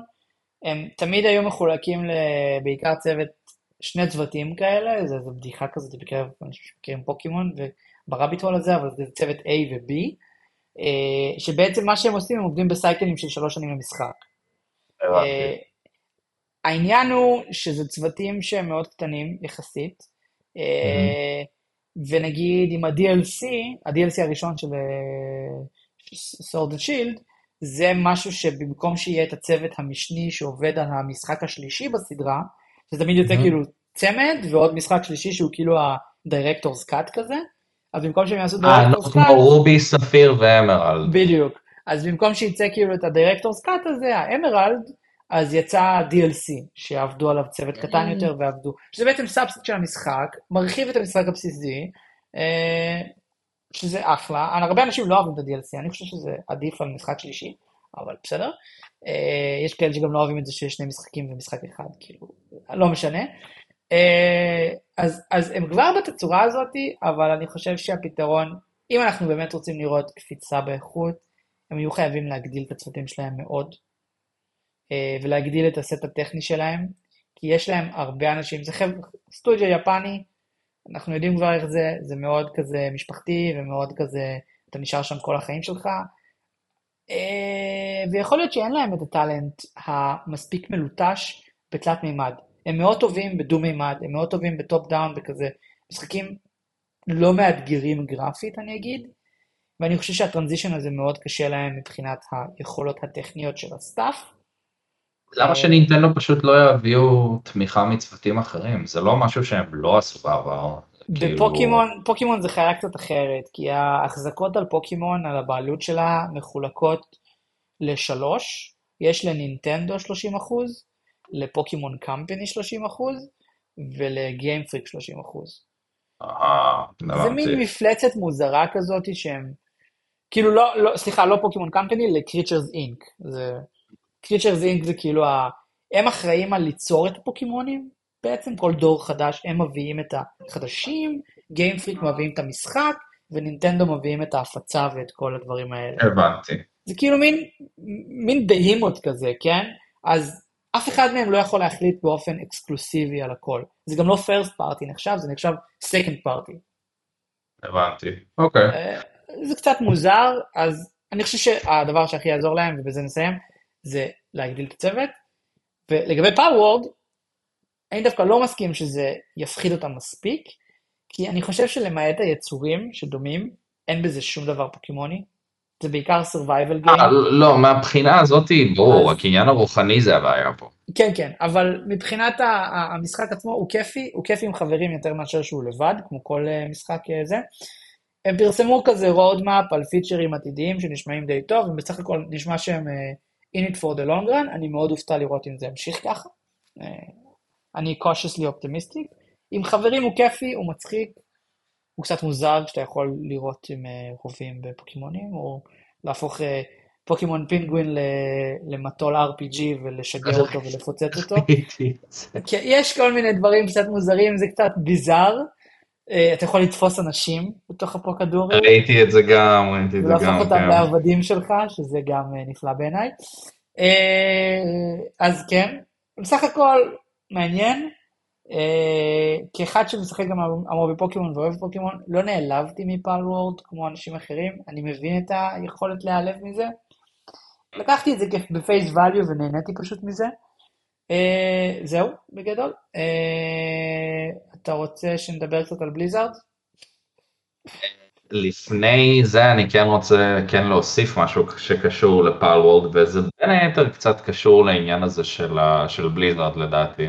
Mm-hmm. גם מה שאני חושב והרבה אומנים אחרים חושבים.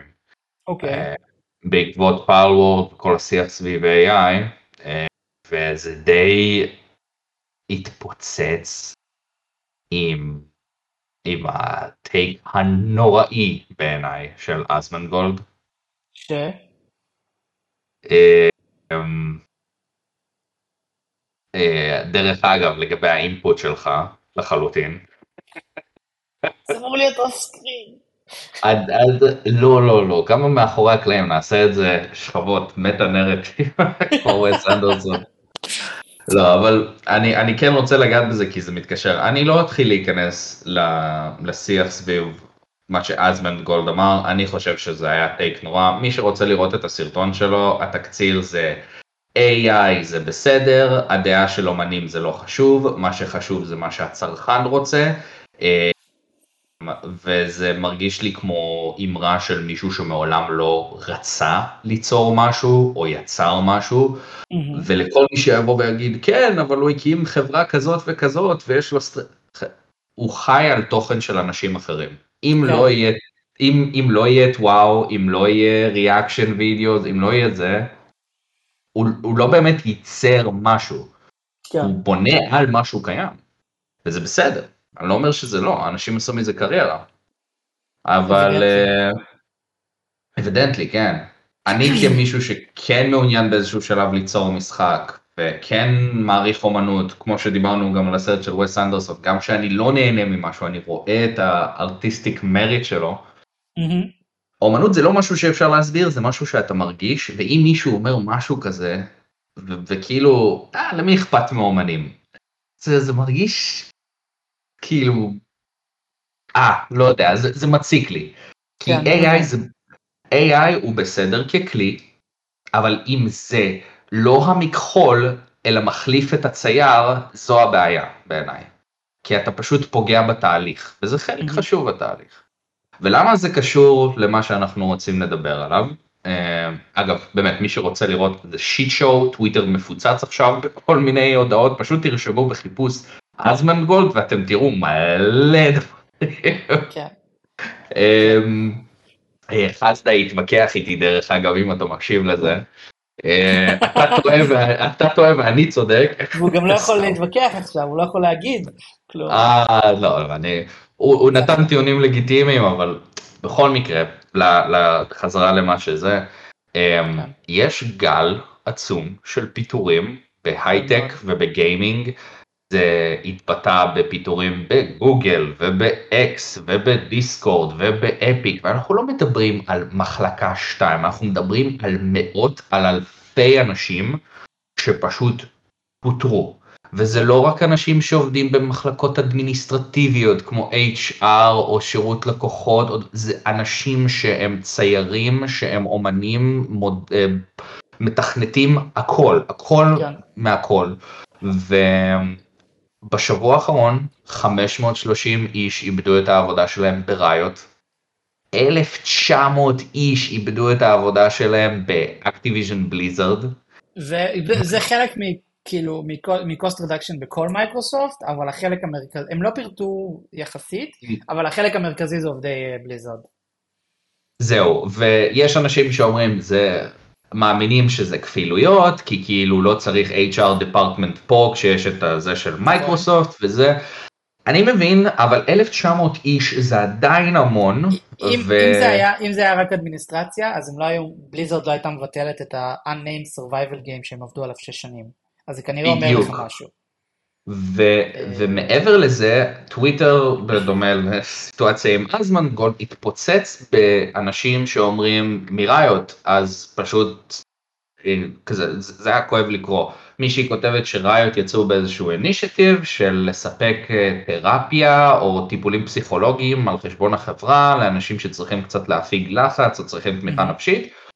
והבחורה אומרת שאיך שהיא הייתה בפגישה היא מגלה שהגישה שלה ל Slack ולגוגל account שלה פשוט ננעלו.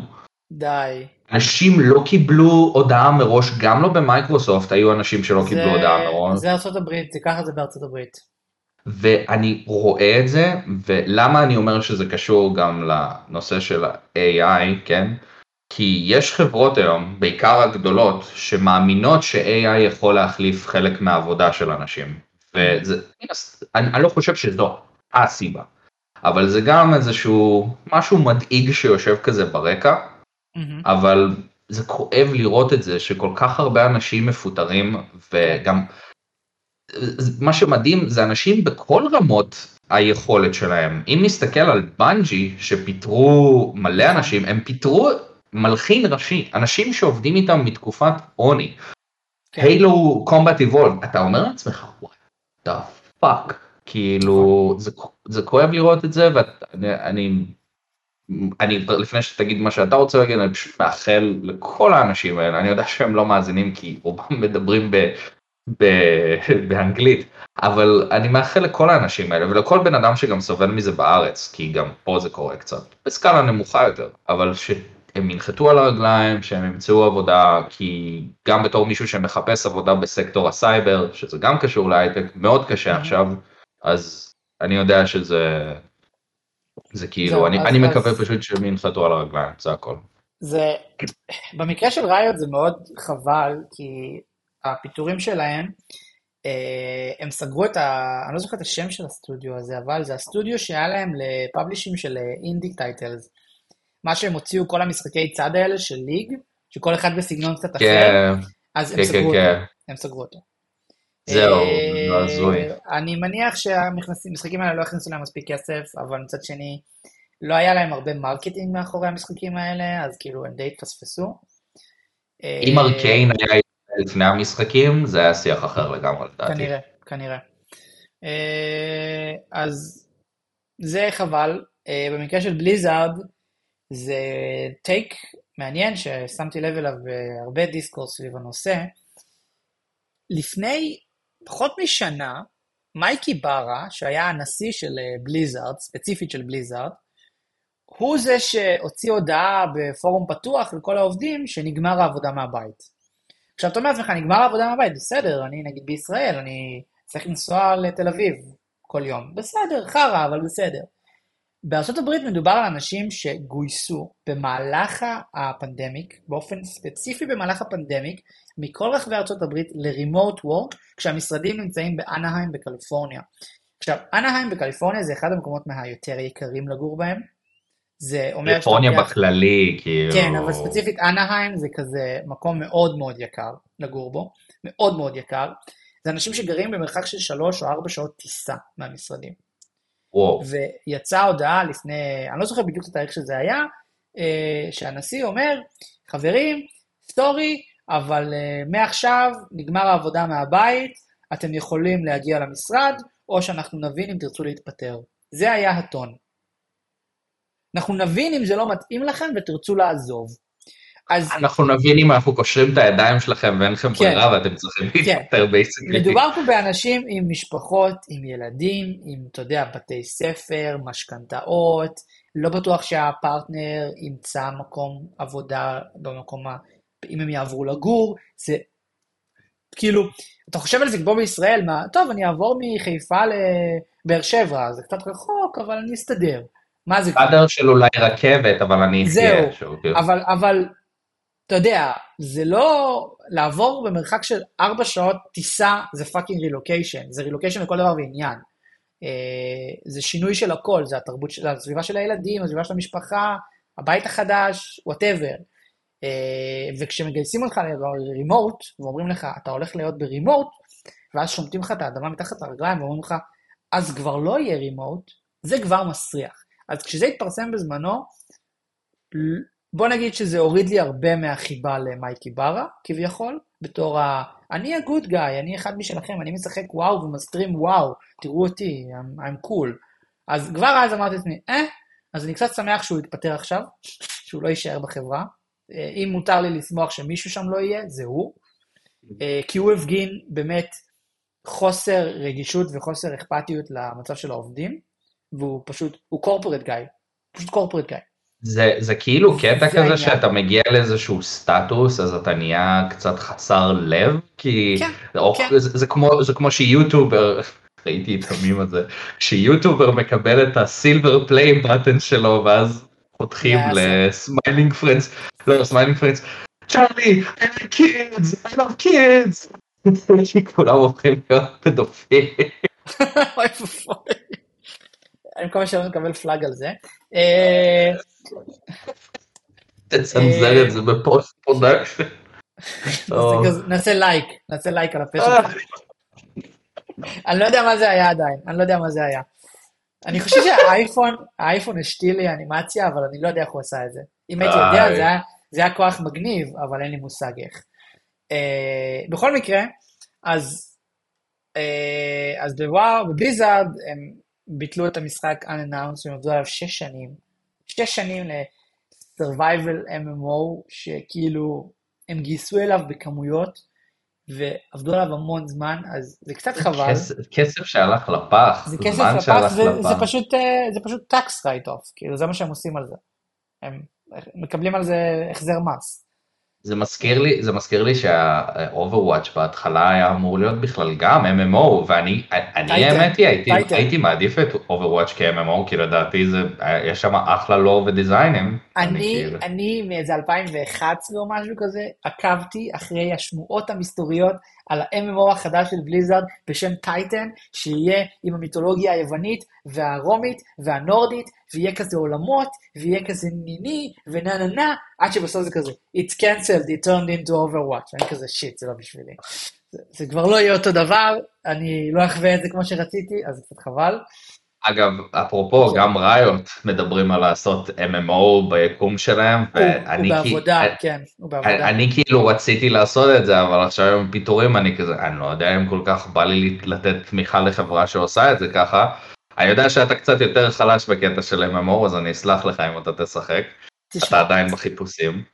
לגבי ראיות, לפחות זה מסריח שהם מפטרים אנשים ככה כמו שהם מפטרים. אבל ממה שקראתי, לפחות הם נותנים uh, חבילות פיצוי מאוד מאוד גדולות, כמה חודשים. Uh, אוקיי. אנשים יקבלו את המחשב שלהם, אם אין להם מחשב בבית.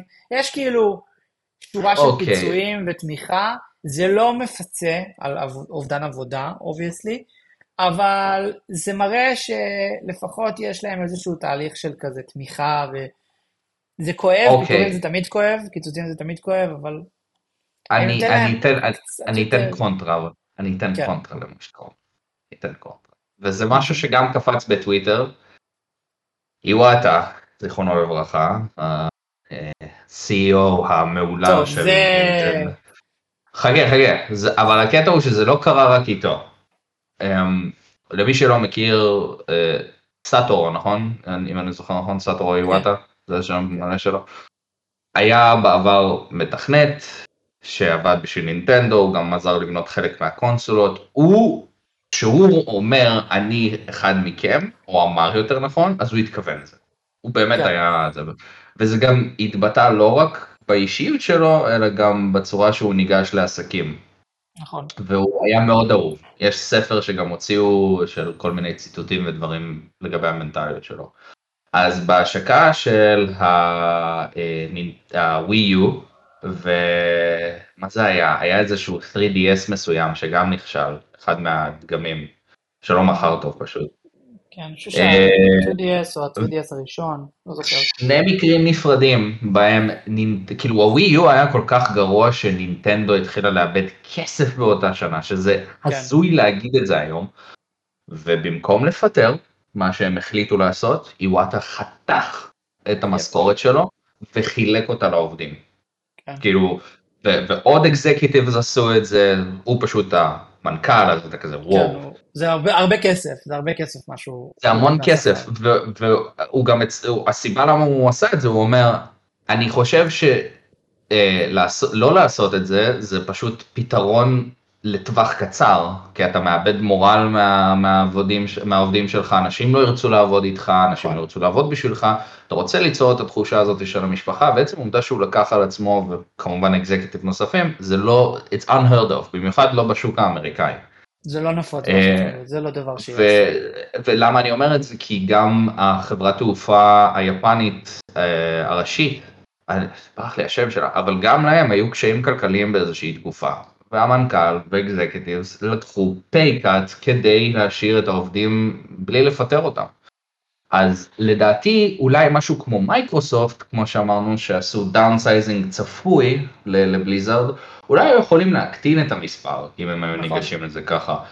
ראיות, 100% היו יכולים להשאיר את כל ה-530 איש האלה. עכשיו, אם זה שיקול מתוך העניין שהמשחקים האלה לא היו מכניסים מספיק כסף, זה זה משהו אחר, וצריך לראות איך אתה עושה allocation ל-resources האלה, ופיטורים זה משהו שיכול לקרות, אבל אם אפשר למנוע אותם ולהוציא מזה איזשהו benefit, למה לא? זה מה שאני לא מבין בחברות האלה. הבעיה בחברות האמריקאיות זה שלהנהלה אין מספיק accountability לטעויות. הם נהנים כשהכול מצליח, וכשהכול לא מצליח, במקום שבאופן ישיר הם ישלמו על זה, זהו, אז הם כנראה יתקדמו למעלה, הם כנראה יקבלו עדיין בונוסים, הם כנראה בדיוק עכשיו יהיה דיבידנדים, וקודם כל חייב לשלם דיבידנדים, ואז נדבר על הרווחים. אה, shit, אין מספיק רווחים, טוב, בוא נהרוג חצי מצוות הפיתוח. כאילו בוא נדבר רגע על המצנח הזהב של בובי קוטיק, כן? כאילו זה... מאות מיליונים, literally מאות מיליונים.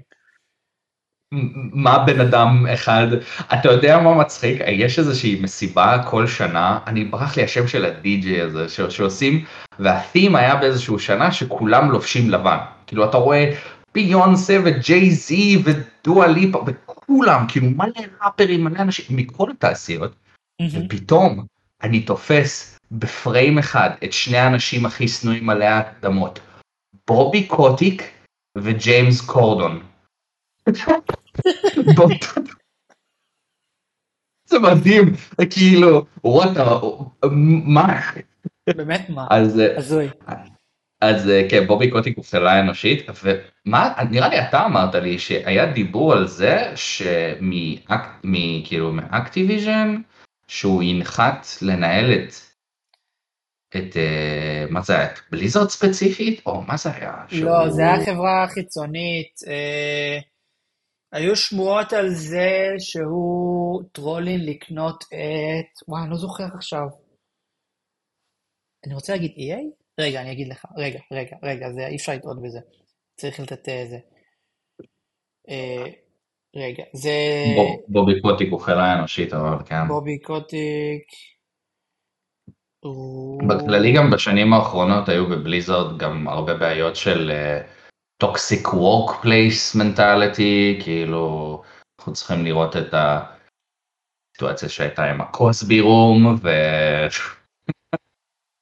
זה, היה, זה היה משהו. הוא תכנן לקנות את קוטאקו ואת PC גיימר מסתבר. אוקיי. אה, אבל זה לא הדבר שאני קראתי. היו שמועות לפני איזה חודש או חודשיים שהתחילו בתור אה, מייקרוסופט רוצה לקנות את. ואני לא זוכר מי זה העט האלה עכשיו. אה, איזשהו סטודיו, חברה גדולה, ו... והדיבור היה שאולי בובי המנכ"ל. הוא רצה כאילו. להיות ה-CEO של זה, בקיצור. הוא רצה להיות ה-CEO של הסטודיו הגדול, חברה אחרת גדולה, זה לא קרה בסוף בינתיים, אני מקווה שגם לא יקרה. אה, כן, זה אה, מדכא, הפיטורים האלה. מעניין מה יהיה עם וואו, בינתיים הוא ממשיך לתפקד. בכללי מעניין, אבל, אבל אני חושב שאתה יודע מה אנחנו יכולים לעשות, איזשהו smooth transition, כי דיברנו על מצנחי זהב, אז אולי נדבר קצת על succession. לגמרי, לגמרי, יפה מאוד. אה, ראית, אז... ראית?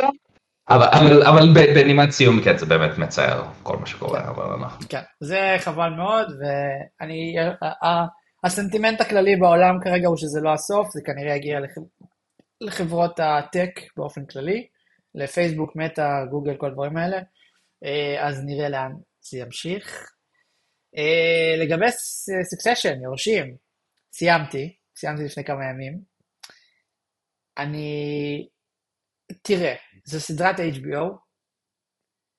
אני חושב שהסטטוס של HBO בתור ערוץ מופת הוא עדיין קיים. אוקיי. זו סדרה אוקיי, טובה. פייר, פייר. זו סדרה טובה מאוד, אפילו. אני חושב שזו יכולה להיות סדרת מופת בהגדרה. Mm-hmm. אני יודע שאתה חלוק על דעתך לגבי העונה הרביעית, וחושב שהיא פחות טובה. אני חושב שאני גם יודע למה. אז שה... לגילוי, רגע, לפני, ש... כדי שנוכל לגעת בזה כמו שצריך, spoiler warning, מי שלא ראה סקסשן כן. ומעוניין לראות, תראו, זאת באמת סדרה טובה, אנחנו הולכים לדבר הכי גלוי שיש, אז... אם אתם בווידאו איתנו, אז אני, אני לא יודע פשוט איך לשים timestamps בספוטיפיי, אני אנסה את זה גם, אבל יהיה timestamps בסרטון למתי אנחנו מסיימים עם סקסשן, למי שסקרן ספוילרים וכאלה, שלא רוצה אותם. אה, אז כן, אז שלוש, שתיים, אחת. אולי מתים בסוף, סתם. אה, אז כן, אז אני מניח שהסיבה שאתה פחות נהנית מהעונה הרביעית, היא שהיה חסר לך איזשהו אבאלה שאומר הרבה fuck you. וואו, אחרי שלוגן מת, holy fuck. כן. אה, אז קודם כל נתחיל מהפרק שהוא מת. על Connor's Wedding, זה פרק כן. פנטסטי. תשמע, אני בכיתי בו, אני בכיתי בו. הוא הביא, הוא הביא אותי גם לאמוציות מאוד. אני... לפני כן, כשדיברנו על האמיז ועל אה, שרה סנוק ועל קירן קולקין וכל הדברים האלה וזה, ומתיו מקפאדיין, אני, אני לא יודע על איזה פרקים הגישו אותם לאמיז, אני לא בדקתי את זה, אה, אבל בדרך כלל... אני חושב שבכללי, אני חושב שבכללי, לא על משהו ספציפי. חלק מהפעמים זה, זה אמור להיות על, ספצ... על אה, פרקים ספציפיים באמיז. אתה מגיש okay. אוקיי. משהו ספציפי לוועדה כדי לבחון את זה. אז אני לא בטוח מה הגישו אותם, אבל אחרי הפרק שבו לוגן מת, אני חושב ששלושתם הרוויחו את האמיז שלהם לחלוטין.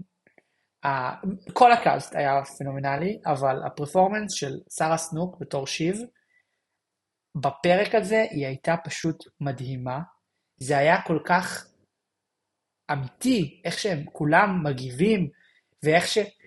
כאילו, דיברתי על זה גם עם איגור קצת, והוא נתן הערה מאוד יפה, שזה פשוט, מה שיפה בפרק הזה, זה שזה פשוט לא אקסטרה, ולא פיצוצים, ולא, אתה יודע, איזה מוות מוזר, זה פשוט, אנשים פשוט מתים. הם פשוט מתים. זה משהו שיכול לקרות לכל אחד. זה פשוט אנושי לחלוטין. זה, זה הופך, זה גם נותן לך להסתכל על לוגן בתור בן אדם. הוא בסוף היה מין מפלצת כזאת של תקשורת וכזה יצור חזק ובלתי מנוצח, אבל בסוף הוא, כמו הומלס ברחוב, יכול למות ככה, ברגע אחד, בקליק. לחלוטין, לחלוטין, אני מסכים. זה, זה, זה הפך את הפרק הזה לכל כך עוצמתי, כי הוא כל כך אנושי וכל כך, כאילו, פשוט באיך שהכל קורה שם, שזה פשוט... ואתה רואה באמת רק את האינטראקציה בין השחקנים, ואיך כולם שם כאילו עמוק בתוך הדמות וחווים את זה, וכאילו האובדן ו- וכל הדברים האלה. רומן מתכחש לזה, ו...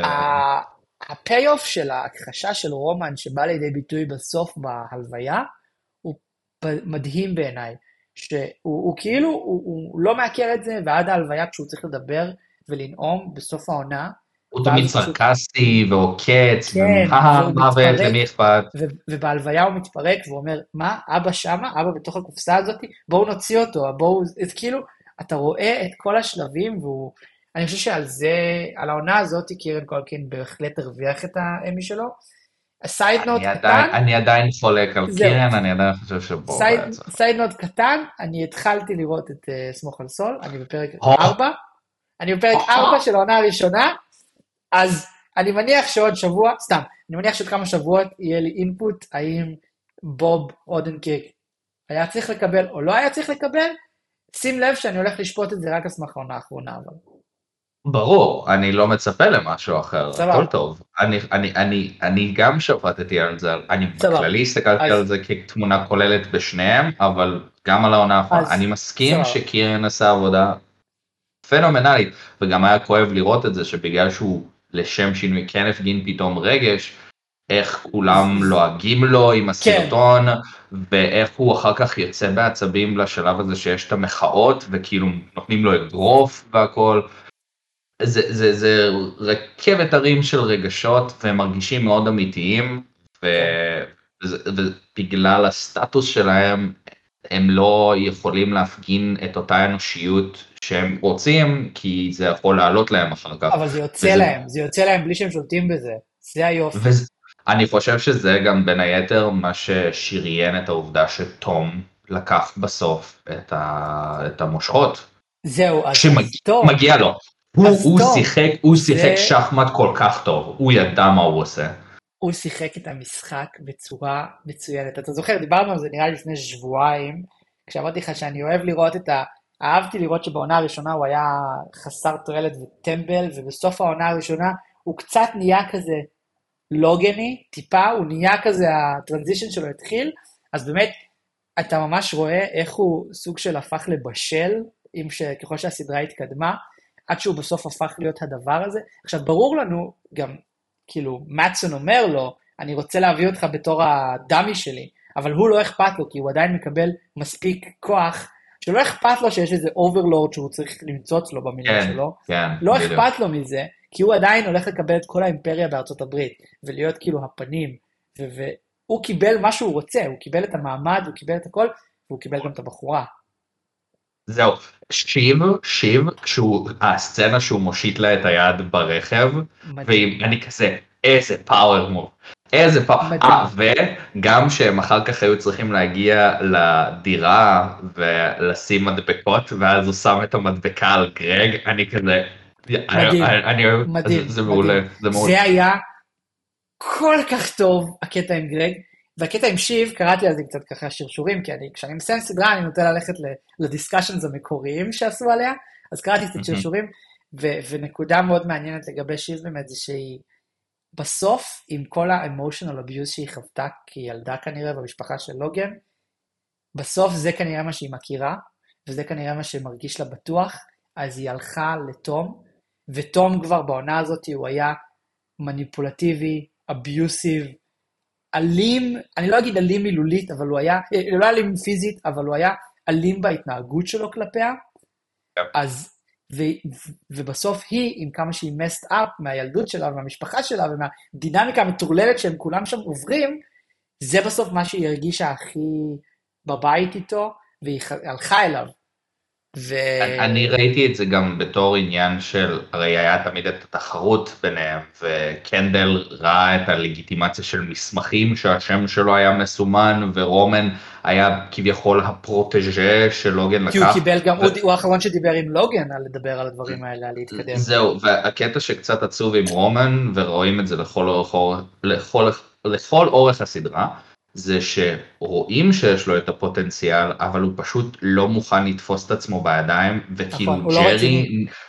ג'רי הייתה כמו שיב בשבילו, כמו שיב של תום, היא הייתה ש- שיב של basically רומן, כי היא רצתה ללמד אותו גם ברמה הזאת, כי היא ידעה שאם הוא עולה, הוא לוקח אותה איתו. נכון. וכאב לראות אותו מפסיד, וקנדל התנהג כמו ילד קטן, אני הבכור, לי מגיע, לי בלה בלה בלה, ושיב באותו רגע שהיא ראתה... הוא גם כן? הלגיטימי ביותר. זהו. ושיב כשהיא ידעה שהיא לא יכולה לנצח, כי לא משנה כמה היא ניסתה לשחק את המשחק עם הסקנדינבים, עם סקארסגרד וכל זה, היא לא הצליחה לשים את עצמה כוואן אפ, היא תמיד כן. הייתה כלי של מישהו אחר, היא הבינה שכדי שהיא תוכל טכנית לנצח, היא תוכל לשמור את זה במשפחה שלה, אז כן. היא יודעת שאם היא תהיה עם תום, זה מבחינתה יהיה שווה ערך זה כמו סוג של- שזה יהיה שלה. זה סוג של ניצחון עבורה, כן. ב- ב- בראש שלה זה היא ניצחה. עכשיו, משהו נוסף שרציתי להגיד על, אה, אה, על קנדל, זה שאני כל כך אהבתי שהתאונה שהוא עשה בעונה הראשונה, שאתה חושב שזה ילך, וכמו שחשבת שהקרוזים הלכו, בסוף הדברים האלה חוזרים, וזה כאילו, אני חושב שזה הראה שה... שבסוף, כאילו, בסוף, בסוף, בסוף, יש גם קרמה וגם כאילו אתה תשלם על מה שעשית. כי הוא בסוף איבד את המלוכה על זה, והלוגן איבד את החברה שלו ואת החיים שלו, אבל את החברה שלו על הצרות עם הקרוזים ועל הטיוח. כאילו זה בסוף מראה לך שיש אה, איזשהו צדק בעולם שם.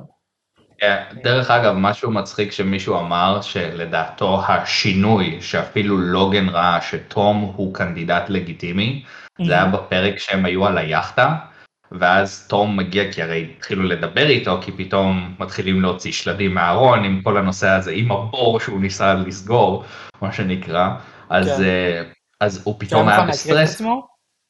כן, ואז, ואז הוא פשוט לקח ללוגן את החתיכת עוף מהצלחת ואכל, והוא כזה, what the fuck, I was eating that. אז, אז, אז הוא הרגיש שיש כאילו, יעני הוא go getter כזה. אה, הוא אני הוא, אה, asserted dominance מה שנקרא. זהו, אני אישית, היה לי כואב על קנדל בהתחלה, בתחילת הסדרה, כי אחרי מה שקרה עם התאונה, לוגן ידע למנף את זה, והפך אותו כן. לשפוט שלו, אותו וכאב. וכאב כי הוא לא היה איזשהו האסק חסר רגש, היה את הסצנה בפרק הזה שהוא היה על הגג ולוגן ידע מה הוא, מה הוא עושה ואז הוא שם את הקירות זכוכית האלה שהוא לא יחשוב לקפוץ, כאילו, וכן זה היה, כאילו... זה היה ממש כאילו עשוי ממש טוב. שזה קרה בפרק שהבן אדם התאבד במשרדים שלהם והם כולם היו בלוקדאון ואז הוא רצה לקפוץ בדיוק, זה היה כאילו מאוד... אה, זהו, אני, אני חושב שבעיניי הסדרה היא מאוד טובה, אני חושב שהדמויות הן מאוד אמיתיות, זה גם אם, גם אתה הולך קצת לאיבוד עם השפת ביזנס, עסקים וכל הדברים האלה, אתה עדיין. מצליח לעקוב. אמ, אני חושב שמה שבשבילי קצת לא היה טוב בעונה האחרונה, אני לא אהבתי את הפלוט פוינט עם הסקנדינבים, כמה הוא היה מתוח עם החבר'ה שכאילו רצו לקנות את החברה שלו. ו... אוקיי. Okay. לא, לא אהבתי את ה-back and forth הזה, כי זה הרגיש קצת באמת מתוח באיזשהו שלב, גם מן הסתם המוות של לוגן פגע. החתונה של קונר היה פרק מעולה, אני חושב שזה היה הפרק של העונה. פרק מדהים, זה פרק מדהים, זה פרק של אמי. אבל לדעתי, הדבר שהכי הרס לי את העונה הזאתי, זה, מה שאמרת זה נכון, דברים שהיו בעבר צצו ומראים כמה אתה לא חסין לביקורת, אבל היו המון, מרגיש כמו קונפליקטים או בעיות שפתאום צצו בעונה הזאתי, ואז הם קיימים לרגע ברקע, הם okay. אוקיי. עוברים לבעיות אחרות, פתאום הבעיות האלה לא נפתרו הקודמות, אין התייחסות אליה, וכאילו זה כזה ממחזר את עצמו, כאילו היו, היו קונפליקטים מסוימים שנפתרו והתייחסו שהם היו העיקריים, בעיקר הקונפליקט של מי ייקח את האימפריה, אבל היו כל מיני בעיות שנפתחו ולא התפתחו. כמו ההיריון של שיב, ההיריון של שיב. כן, זה כאילו, לא, חלק מזה לא התפתח לשום מקום וזה קצת הרס לי, זה מרגיש שהסדרה קצת התחילה לאבד את זה לקראת הסוף. כן, הפרק האחרון סגר את זה יפה, אבל היה בין ארבע, בין פרק ארבע לבין שאר הפרקים אני, אני מבין מה אתה אומר, שכאילו טיפה חסר כזה דירקשן או מיקוד מסוים. כן, הרבה דברים קורים. כן, הרבה דברים קורים כאוטית, השידורי בחירות והקטע הזה שרומן מתחיל לפטר אנשים באולפן, ופתאום המלחמה על החפצים של לוגן, ואז גם אה, גרושתו לשעבר והמאהבת שלו ואתה כאילו נפתחים הרבה דברים. אני חושב. וחלקם לא. אז אני חושב שהמטרה של זה, אה, מהזווית שלי לפחות, זה שהם רצו להראות את הכאוס של ה aftermath של אין לוגן. המוות שלו כאילו. שהם כולם, הם רצו להעביר את ה... לפחות ככה אני ראיתי את זה, שזה המצב הרגשי של כל המשפחה, שהם כולם a mess, אז הם מתנהגים גם בצורה כזאת. ואצל לוגן, ו... אצל, סליחה, אצל קנדל ואצל רומן, זה בא לידי ביטוי בזה שהם מפטרים את כולם, ושאנחנו רואים איך מזלזלים בסמכות שלהם. כי בעצם, למה הוא פיטר את ה... הפרויקטים הכושלים שהם מנסים כן, להקים ו... ולא הולך למה רומן, למה רומן פיטר את ההיא? כי הוא אמר את זה, ואז היא גיחכה עליו. הוא אמר, אולי אני אפטר אותך, ואז היא צחקה על זה. כי כאילו, מי אתה בכלל? אתה לא באמת יכול, אתה לא תעשה את זה. ואז הוא היה חייב להראות לה, הנה, אני יכול. כאילו, היא קראה בעצם תיגר על, ה, על הסמכות שלו. כי הם בעצם, הוא וקנדל, הם היו סוג של ילדים, שאף אחד לא לוקח ברצינות. וראית את זה בא לידי ביטוי בפרק הזה למשל, והקטע עם הבלגן שנשאר עם הגרושה שלו, ועם הבת זוג שלו העוזרת, וכל הכאוס הזה שנוצר באפטרמאט, נראה לי שזה בא כאילו להראות שקשה להם להתמודד. שקשה להם... הם, הם, גם... הם, מתנהגים, הם עדיין מתנהגים כמו ילדים, זה הקטע. זהו, היחידי לא שלא התנהג ככה זה היה תום, זה, נכון, זה היה העניין. הם, הם, הם לא התבגרו עדיין, ואז כאילו אתה חושב על זה במרוץ של ה... מי ייקח את המושכות, ואתה מבין שהם באמת כאילו אינווליד, אף אחד מהם לא כשיר, כי הם פשוט לא בוגרים מספיק, הם לא מבינים את ההשלכות, את האחריות, את, ה, את הכוח, את כל הדברים האלה, אז עכשיו, אני לא יודע אם זו פרשנות שלי או פרשנות סתם, כאילו, ווטאבר, אבל ככה לפחות אני הרגשתי את זה, שאני מבין בעצם לאורך כל העונה הזאת, למה אף אחד מהם לא מתאים. מהמשפחה, כאילו. למה אף אחד מהילדים לא מתאים להיות ה... קונר היה ברור שהוא מההתחלה לא היה מתאים. כן, הוא לא כשיר לשום דבר. הכי מצחיק שאפילו אפילו רומן אומר לו אתה רוצה עבודה בשגרירות באיזה מדינת עולם שלישית? כי זה מה שאנחנו יכולים לתת לך כן. אה, אבל בכל מקרה זו סדרה שאני ממש נהניתי ממנה. ממש טובה. היא עשויה ממש טוב. אה, והיא מסתיימת היא מסתיימת טוב ולגבי מה שאתה אומר לגבי העונה האחרונה אני חושב שזה גם uh, מסמן היטב שזה היה צריך לעצור. כלומר, אם היו עושים עוד עונה, זה היה יכול להיות כבר מאבד את זה לגמרי.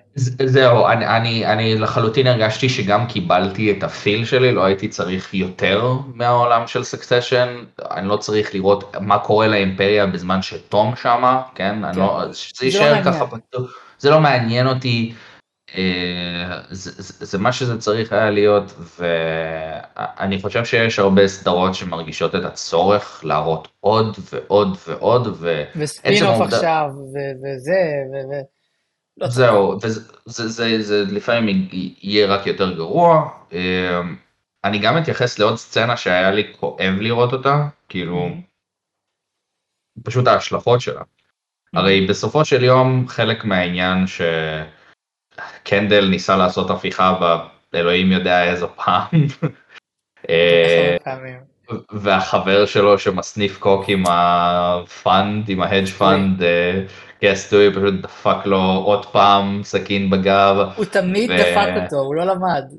הוא לא למד, אה, והיה את העניין הזה של כאילו ההבנה של ההפסד, הוא יוצא עדיין עשיר מכל הסיטואציה, אבל אותם לא עניין, הם חשבו שהם רוצים את הכוח, אבל הם לא באמת יודעים איך להתמודד איתו.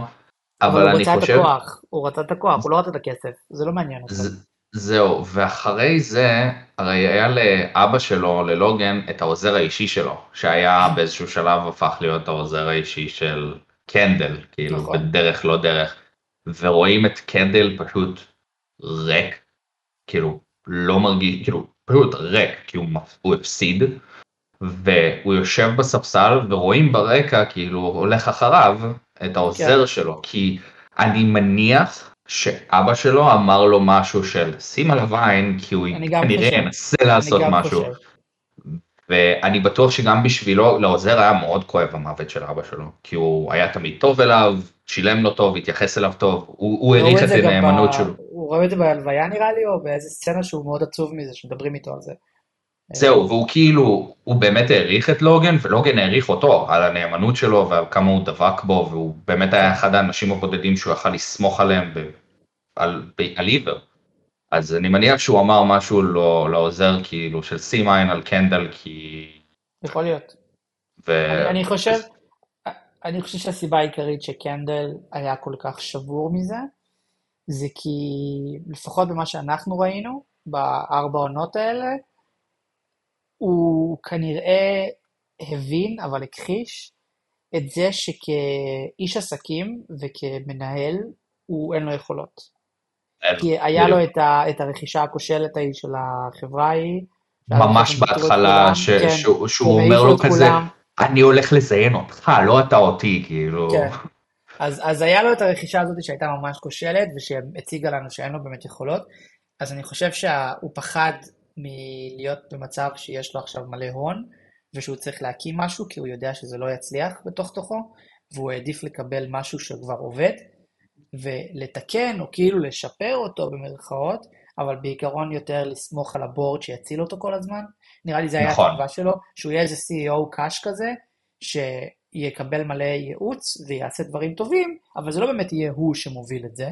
הוא, הוא, קיווה, רצה הוא קיווה לזה. הוא רצה לאכול את העוגה אבל גם להשאיר אותה, והוא לא מבין את זה, שזה לא יכול להיות ככה. ו... ואז כשבסוף הוא קיבל את הכסף, אז הוא מבין שעכשיו הוא צריך להתחיל לעבוד ולעשות, והוא יודע בתוך תוכו שהוא יהיה כושל בזה.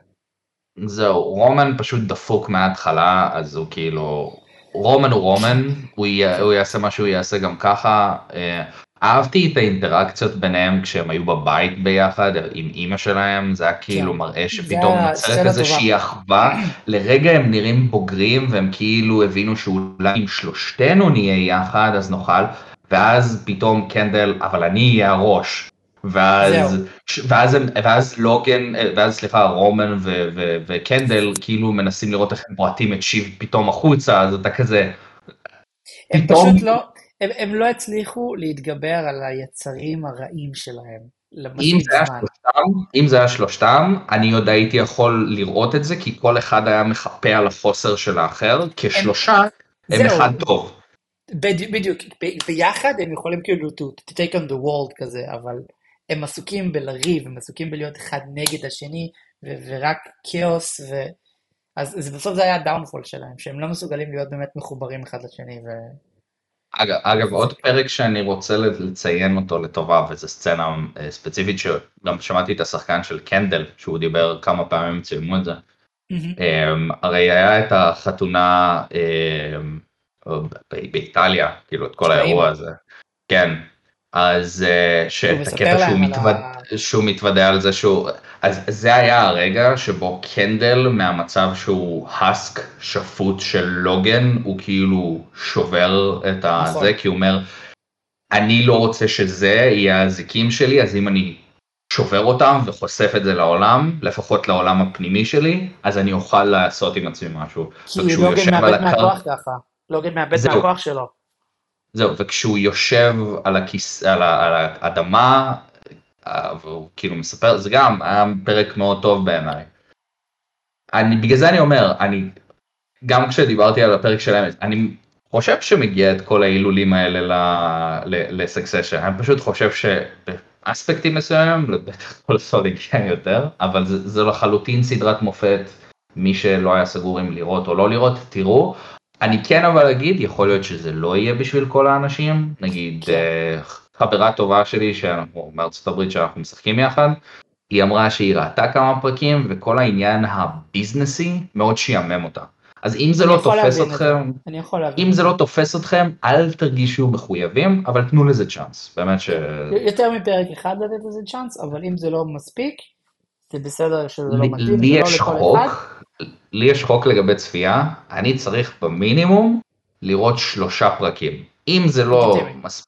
אם זה לא מספיק תופס אותי אחרי שלושה, אם זה נגיד לא עניין אותי, אני פורש, כן? Uh, אם זה משהו שהוא, אני כזה on the fences, אני אראה עוד כמה ואז אגבש דעה, ולפעמים יש דברים שהם מהפרק הראשון אתה כזה, אני אוהב את זה. כן. אמ, אבל לפעמים, לפעמים יש יוצאי דופן שאתה אפילו מודה בהם, שאתה אומר יאללה, תדחוף דרך, נגיד Breaking Bad עולה לראש, שזו סדרה מעולה, אבל אני תמיד אומר לאנשים, העונה הראשונה היא הכי קצרה, היא מאוד איטית, אבל ה finale שלה מאוד טוב, אז תדחוף דרך זה, ומפה זה יהיה סבבה, כאילו זה לא שהיא גרועה, זה פשוט לא, לא הכי טוב. כן, אה, אני יכול להגיד את זה גם על Parks and Recreation, שהעונה הראשונה היא שישה פרקים, וזה פרקים של 20 ומשהו דקות, אז זה הרבה יותר קל לעשות את זה, אבל גם, היא הכי חלשה מבין כל העונות, והיא שווה את המאמץ לצפות את השעתיים האלה. נכון, גם ה Office. ה Office העונה הראשונה מאוד cringe'ית. זה, זה מצחיק כי זה אותם כותבים אני חושב של Parks and Rec ושל ה Office. זה אותם יוצרים כן, זה מייקל שור וחבריו. כאילו, you want a cookie? קוקי קוקי. זה קצת קשה לראות את זה היום, כן. זה... אוי מה, כן, יש כל מיני קטעים של סטיב קרל שהם מאוד קשים לצפייה, אבל... אה, משם זה משתפר, זה כן. כן, כן. אה, אז סדרה טובה. אה, יש לנו נושא אחד שאני רוצה, אני חושב שאנחנו נדבר עליו טיפונת, כי אתה עוד לא ראית את הסרט, ושבוע הבא יהיה לנו את איגור, כנראה, שישתתף, והוא יהיה גם אחרי הסרט, ואז יהיה אפשר קצת לדבר באריקות עליו, וגם לא להפוך את הפרק הזה לשלוש שעות, אבל... אנחנו מתקרבים לשעתיים, אני מבקש. אבל uh, ראינו אתמול את uh, תינגס, פור תינגס כאלה, בקולנוע. זה לא לכל אחד, אני חושב. אה, אתה מתכנן לראות אותו השבוע? אני רציתי לראות אותו, אני, אני אגיד את זה ככה, כשישבנו לראות סרט לא מזמן בקולנוע, ראיתי טריילר שלו, זה היה מאוד ביזארי, אבל ראיתי את ה cast, אמה סטון, וויליאם דפו, מרק רופלו, כזה, אמרתי, אוקיי, זה, הקונספט נראה מעניין, ואז אני פתאום אמרתי, טוב, אני אשים את זה ב back, ואז אני רואה את כל ה accolade שהוא לוקח עם גלובוס הזהב וזה, ואז אני אומר, color me intrigued, אז אני כאילו רוצה לראות אותו, אני חושב, בת זוג שלי אמרה שהיא, יש לה תחושה דומה ל Asteroid City שהיא לא תאהב את הסרט. אז יכול להיות שזה משהו שאני אצטרך לראות לבד. לא, לא, לא, לא, תראו ביחד, תראו ביחד. אוקיי, אוקיי. אני חושב שעדיף לכם לראות ביחד.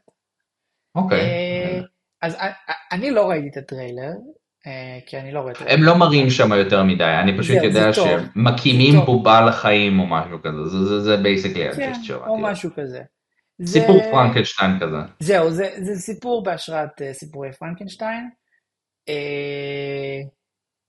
זה מאוד מיוחד, אני חושב שהסינמטוגרפיה מדהימה, כאילו מדהימה, זה נראה יפהפה, זה style סופר מיוחד של okay. אוקיי. Filmmaking, יש שם שימוש ב fish eye, יש שם שימוש ב, אה, בשחור לבן, בצבע, הסטים מרהיבים באיך שהם נראים, הם כל כך יפים וכל כך מיוחדים, וזה כאילו עולם מאוד סוריאליסטי, ויקטוריאני mm-hmm. סוריאליסטי סטימפאנקי כזה, אז אתה לא mm-hmm. בדיוק יכול לשים את הדגש על זה,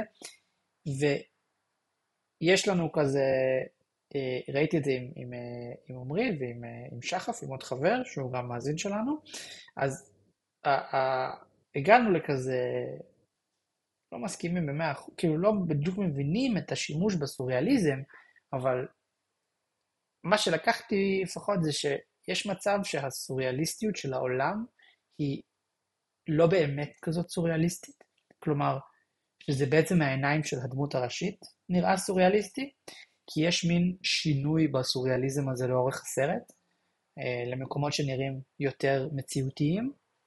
אה, זה הרגיש ש... לי כאילו זה ילך לכיוון הזה, כי כשהתחלת לתאר את זה אמרתי סביר להניח זה פשוט מנקודת מבט של לדעתי. לא בדקתי אם זה הכוונה עדיין, לא נכנסתי עדיין לרביט הול של יותר מדי דיונים על הסרט, אבל ככה לפחות זה הרגיש לי. אה, אוקיי. Okay. אבל באופן כללי העולם יפהפה, מדהים, ממש יפה. העלילה היא סוג של coming of age כזה, בשולב עם sexual liberation. אוקיי. כן, זה לא, שוב, אני לא ראיתי טריילר, אני לא קראתי על הסרט, אני רק ידעתי שהוא מומלץ מאוד, יש עליו אוסקר באז, והבנתי שאני צריך להתחיל לראות את הסרטים של האוסקר באז, אז ראיתי. אני חושב שאמה סטון הרוויחה את האוסקר שלה, פה, אני עוד לא יודע אם היא תקבל אותו, אני צריך לראות את שאר הסרטים כדי להגיד אם יש לי מישהי שהיא יותר טובה לזה, אבל היא עושה שם עבודה מצוינת, וויליאם דפו הוא פשוט... וויליאם תמיד... קשה, קשה, הוא פשוט, הוא, הוא, זה, הוא משחק דמות קלאסית, והוא שחקן כל כך קלאסי בהתנהגות שלו, ומרק רופולו הוא ה... אני לא אגיד ה highlight של הסרט, אבל הוא מאוד מיוחד בסרט, כי הוא גם מוציא את ה acting chops שלו, והוא הפך את הסרט להרגיש כמו מחזה. כאילו ה vibe שאתה מקבל מהסרט פתאום זה שזה מחזה בעצם, שזה כל כאילו תפאורה וסטים משתנים ואקט 1, אקט 2, אקט 3, כי איך שמרק רופלו התנהג הוא היה מאוד דמות של כאילו אתה רואה על הבמה. קשה להסביר את זה. אתה יודע משהו שמצחיק שאתה אומר את זה? אני עכשיו חושב על זה. כשהתחלנו פחות או יותר להתחיל לצלם את זה, דיברתי על Pride and Prejudice שנתן תחושה של vibe של מחזה. אתמול ראינו את Asteroid City שהוא outright משתמש באלמנטים של מחזה. דיברנו על סולטבורן שהוא נותן תחושה של מחזה. נכון, נכון. אולי אנחנו צריכים לרוב כזאת, לא יודע. ועכשיו אתה אומר על Poor Things, ספציפית על דמות מסוימת. כל הסרט הרגיש קצת כמו מחזה, בגלל השוטים, mm-hmm. בגלל המעברים, אבל מרק רופלו הרגיש כמו דמות שאתה רואה על במה. כאילו, mm-hmm. באיך שהוא מתנהג שם. Uh, אני לא אכנס יותר לספוילרים, כי אנחנו נדבר גם לעומק על הסרט, אבל אני מאוד נהניתי, הוא לא לכל אחד, בוודאות, הוא לא לכל אחד, גם בגלל uh, הסיפור, גם בגלל חלק מהשימוש באמצעים מסוימים אמנותיים, אה, יש סיבה שהוא 18 פלוס, בוא נגיד ככה. אתה גם חושב שזה לא יכול להתאים לבייביס פרסט היי בראו מובי, כאילו שלא היית, היית, לא, לא היית אומר למישהו, או, אתה רוצה קצת להיכנס לדברים העמוקים יותר, תראה את זה. אני לא יודע כמה זה עמוק במובן העמוק של המילה כזה, כמו איזשהו סרט אה, מופת עמוק כזה, אבל זה כן סרט מיוחד. הוא פשוט מאוד מאוד מוזר בהרבה קטעים. הוא מאוד מוזר. התסריט לא מוזר כשלעצמו, אבל איך שאתה רואה דברים, הפסקול שלו, מצוין, פשוט מצוין, כי יש שם איזשהו כזה כינור ואיזה כזה, אתה יודע, כלי כזה שעולה ויורד כזה, והוא בעצם, כמו שאמרת מהטריילר, רואים שזה איזה מישהי שקמה לתחייה, אה, ואני חושב שהוא אומר עליה, נראה לי שראיתי את הסגמנט הזה של חמש שניות, שהוא אומר שהיא מתפתחת בקצב מהיר, נכון? משהו כזה, כן. יופי, אז, אז המתפתחת בקצב מהיר הזה הוא אלמנט שמלווה את הסרט גם, כי הפסקול משתנה תוך כדי. ואני חושב אה. שהפסקול הוא מייצג את התהליך המחשבתי שלה. אוקיי. אז בהתחלה זה בצלילים מאוד מאוד ברורים ומאוד מאוד סינגולר, ולאט לאט המוזיקה נהיית יותר ויותר מורכבת ועשירה, והצלילים נהיים יותר ארוכים ויותר יותר, אה, תווים ביחד ו- וכל זה, אז, וזה גורם לך גם להרגיש את זה. אתה בעצם מרגיש תוך כדי הסרט שהכל מתקדם ו- ויש איזשהו קליימקס כלשהו. אז... זאת אומרת שאתה אומר שזה אומנות, ודעתם של אומנים היא חשובה. כן, כן, ו fuck AI, סתם. אה, אני, אני חייב להגיד שמה שאתה אומר, אני אוהב את זה, אני אוהב מה שאתה אומר, כי לפעמים, אתה יודע, כשאני התחלתי לראות סרטים וסדרות, לא שהתחלתי, אני לא חושב שמישהו באמת מתחיל לראות דברים עמוקים או, או מורכבים יחסית mm-hmm. על ההתחלה, חוץ מתמיד שיש איזה בסרטים משום מה ילד חובב קולנוע פלצני, אה מה אתה לא ראית את הסרט הזה משנת 1986 שבוים על ידי מישהו מישהו שהוא uh, בכלל uh, במאי הונג קונג ודברים כאילו shit כזה אתה יודע מישהו שיודע כן. פשוט לירוק עליך טריוויה. אה, קיימים אנשים cinephiles כאלה אני מאוד אוהב קולנוע אני לא חושב שאני ברמה הזאת לפחות. לא. עדיין. אבל ואתה יודע מגיע ממישהו שראה את Good Luck Chuck עם דיין קוק וג'סיקה אלבה אולי איזה 6-7 פעמים נטו כי היה לי איזה קטע לג'סקה אלבה בחטיבה.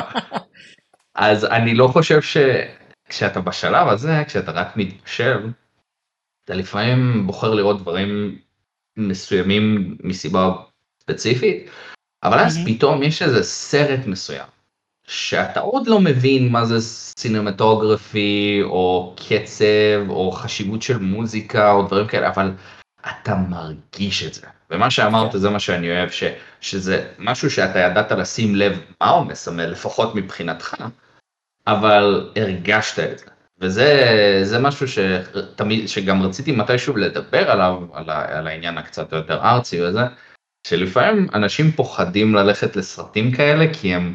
לא יבינו אותם אבל המטרה היא לא להבין לפחות גם לא בצפייה ראשונה או לעשות פלקסים אחרים פשוט צריך ללכת ולראות מה הסרט גורם לך להרגיש.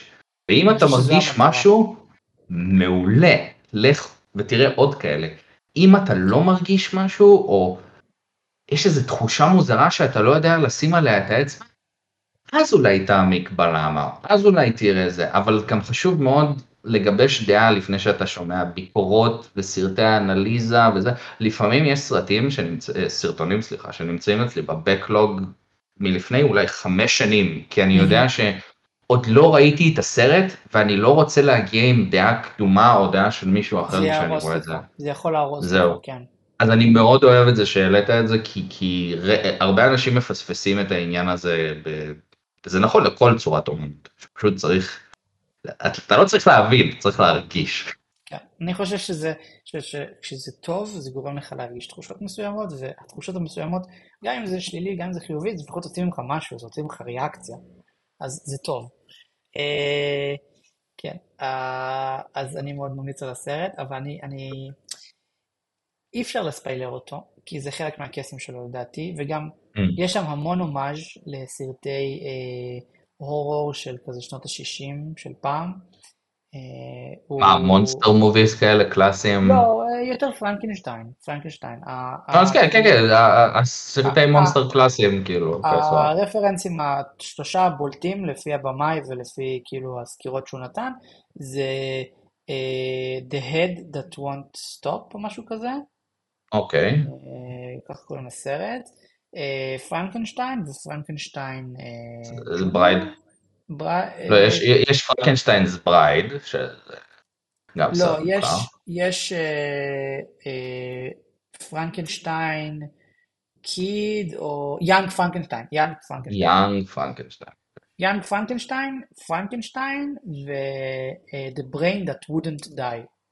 זה כזה סרטים. The Brain That Wouldn't, איזה שמות. כאילו, The Brain That Wouldn't Die. זה סרט משנות ה-60 על מישהי שמתה בתאונת דרכים. ונערף לה הראש, והבן זוג שלה הוא פרופסור כזה, הוא מחזיר את הראש לחיים, בזמן שהוא מחפש לה ראש, אה, גוף, חדש.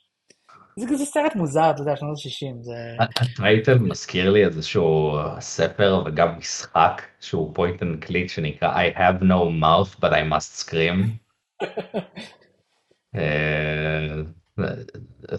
זה ספר שמישהו כתב כשהוא על איזה coke trip בלילה אחד כי הוא היה עצבני על אשתו או משהו. ספר נהדר לפי מה שהבנתי אני לא קראתי אותו אבל כן שיחקתי במשחק. אבל כן זה סתם השם הזה הזכיר את זה. כן. אה, אוקיי אז אני אלך לראות אותו זה מעניין כי אני אני צריך עכשיו לשכנע אולי אני אשחד את בת זוג שלי שאוקיי השישה סרטים הבאים הם שלך. אני חושב שאת זה היא תאהב ואז ברטרו היא תגיד שטוב אז יש לי עוד שלוש סרטים לבחור. אולי אולי אני אציב אני אציב לה את זה כ... אני אציב לה את זה כאינסנטיב. אה, אני חושב שזה סרט סרט טוב כן. אתה, אתה חושב שהבאז סביבו מוצדק? כן. אוקיי. אני חושב אה, שאמה סטון הרוויחה פה לפחות מועמדות לאוסקר, אני לא יודע אם גם את האוסקר, אני צריך לראות את האחרים, אה, אבל היא עושה עבודה וואו. וזה גם, אם אתה נכנס גם לפן הפילוסופי של הסרט, הוא מעלה שאלות מעניינות. אה, אוקיי. בכמה רמות, שזה אנחנו יכולים לעשות deep dive שבוע הבא, שלושתנו. אבל צריך לראות אותו. אני צריך לראות אותו, זו המשימה שלי. אני כן אגיד אבל, שרצינו לדבר על זה, אבל אנחנו גם נשמור את זה משתי סיבות לפרקים כן. הבאים. הדבר הראשון, נושא שסביב האוסקר, היה קצת אה, שיחות, כבר פשוט הכריז, היה את הטקס שהכריזו את המועמדים, זה מצחיק שיש טקס מקדים, הוא אמנם מאוד קצר, כאילו ג'ק קווייד ושחקנית, לא, לא זוכר את שמה, אבל... אה, זה לא קריטי באמת, הם הקריאו פשוט את הזוכים, והרבה שמות חזרו על עצמם. איך? זזי ביטס. זזי ביטס, זה נשמע כמו שם של מוזיקאי. אמ, אז הכריזו על כל המועמדים, הרבה מהם זה repeats מגלובוס הזהב שראינו כבר, אה, בין אם זה שחקנים או זה, אה, שירים, ראינו את השירים של ברבי מופיעים, אופנהיימר כמובן מועמד לאוסקר בין היתר. אנחנו נשמור את ה-hot tea סביב הזה, אה, שקשור לברבי ספציפית לשבוע הבא, אבל uh, גם לפני הטקס עצמו, אני כבר אומר לצופים ולמאזינים שלנו, אנחנו נעשה uh, סוג של אוסקר בטס. אנחנו... כן. אני רוצה להציב לעצמי, אני תמיד אומר את זה כל שנה, ואני חושב שעכשיו, בגלל הפודקאסט, ההסכת שלנו, אה, אני מרגיש יותר מחויב לעשות את זה. אז אני רוצה לראות את כל הסרטים, המייג'ור פילמס, כן? בכל הקטגוריות העיקריות. אני אנסה לראות את הסרטים הזרים, לא כי אני לא רוצה, אלא כי אני פשוט לא יודע אם אני אספיק. אבל uh, העיקריים אני רוצה לראות. דוקומנטריים אני אדלג, אני לא יודע מה איתך, אני לא טיפוס של גם אני כנראה. Uh, סרטים קצרים אולי, הסרטים המצוירים אני אראה, כי ראיתי כבר חלק, אבל העיקרי שם זה The Boy and the Heron, הרן, uh, אז אנחנו צריכים לראות את זה גם. אז אנחנו נעשה סוג של הימורים, uh, um, אני כאילו, זה יכול להיות נחמד. למרות שאני חייב להגיד שהאוסקר השנה מבחינת המועמדים לא מרגיש מלהיב כמו שנה שעברה לדעתי. בעיניי.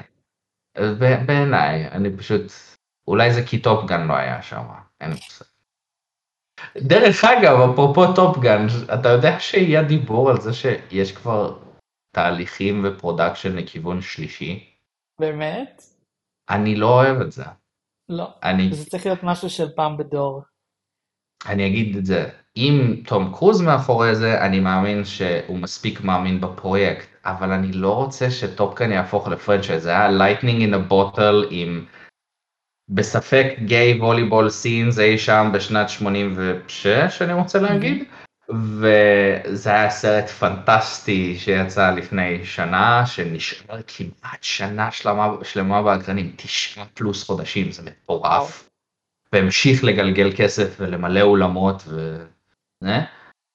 אני אבל לא רוצה לראות עוד, אני לא מרגיש שצריך עוד, זה כאילו...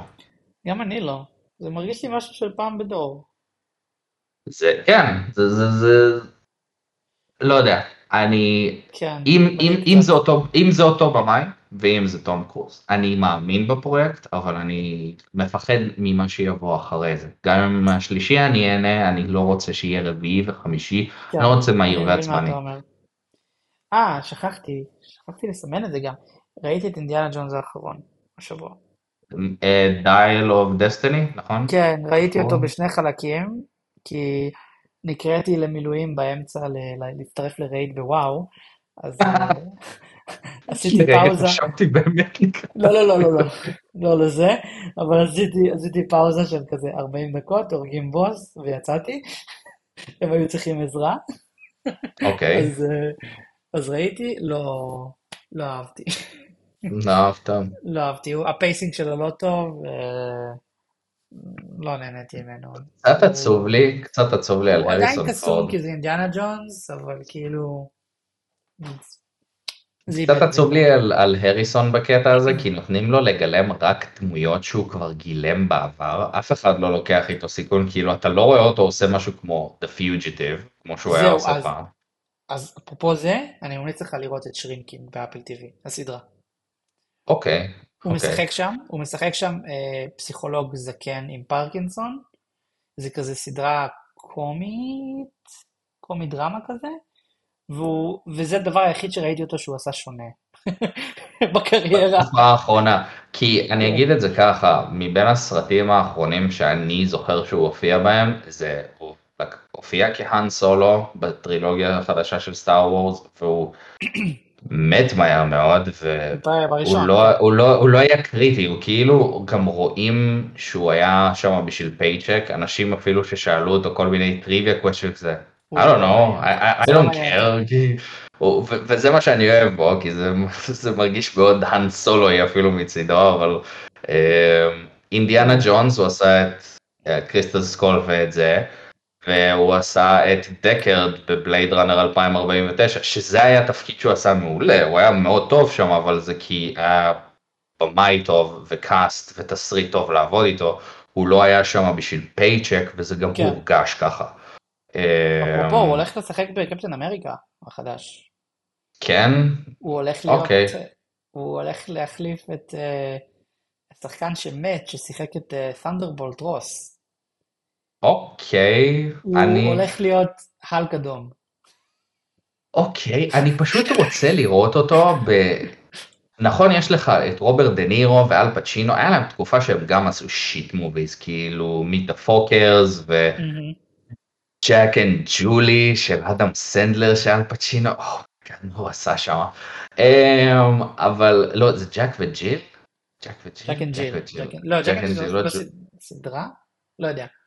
לא משנה, בסרט ההוא עם אדם סנדלר שהוא משחק זוג תאומים שאחד זה בן ואחד זה בת, ואז פתאום סקורסזי אומר, בוא, בוא, תעשה Irishman איתי, תשחק בעוד סרטים, תהיה ב Killers of the Flower Moon, כאילו הוא מחזיר אותו, בוא בוא, בוא תעשה כן. סרטים נורמליים עם אנשים נורמליים, כי האלה הרגישו כמו פייצ'ק, כאילו אני צריך קצת לחם לבית אז אני, אני אעשה את זה, אז אני רוצה את זה בשביל פורד גם, שמישהו ייקח איתו סיכון, כי הוא יכול לשחק, לא חושב שפורד, אריסון פורד הוא שחקן טוב, פשוט אל תפחדו לקחת איתו סיכון, זה הכל. נראה לי שהוא מאיים מאוד. כן, אתה יודע שהוא פעם היה נגר והוא היה מתקן ג'קוזים לסלבים? וואו. כן, הוא היה עושה את זה לפני שהוא התפרסם. יפה. ובנימה זאת. אה, עם הטידביט הזה, כן. Um, כאן הגענו לסיומו של עוד פרק מרהיב, מרענן, כיפי ו... קצר. Uh, uh, uh, קצר, כמובן, רק שעתיים. וואי, אני כבר לא יכול לחכות שיהיה לי מיקרופון נורמלי, כדי שאני אוכל לעשות כזה ינשופי לילה יקרים שלי. או משהו כזה עם איזה רספי ASMR voice, אבל uh, בנימה זאתי, תודה רבה לכל מי שהאזין, לכל מי שצפה. Uh, בפרק הבא אנחנו נביא אורח מיוחד מאוד מטעם אור. Uh, אני חושב שזה... פעם באה מהמחסן שלך. כן, אנחנו כרגיל מאוד מעריכים את כל מי שהאזין והקשיב. מי ייתן ויהיה לנו סופש רגוע, שבוע רגוע, ונתראה בפרק הבא. סופה שקט בעיקר, למה שנשאר. וזהו, דייט.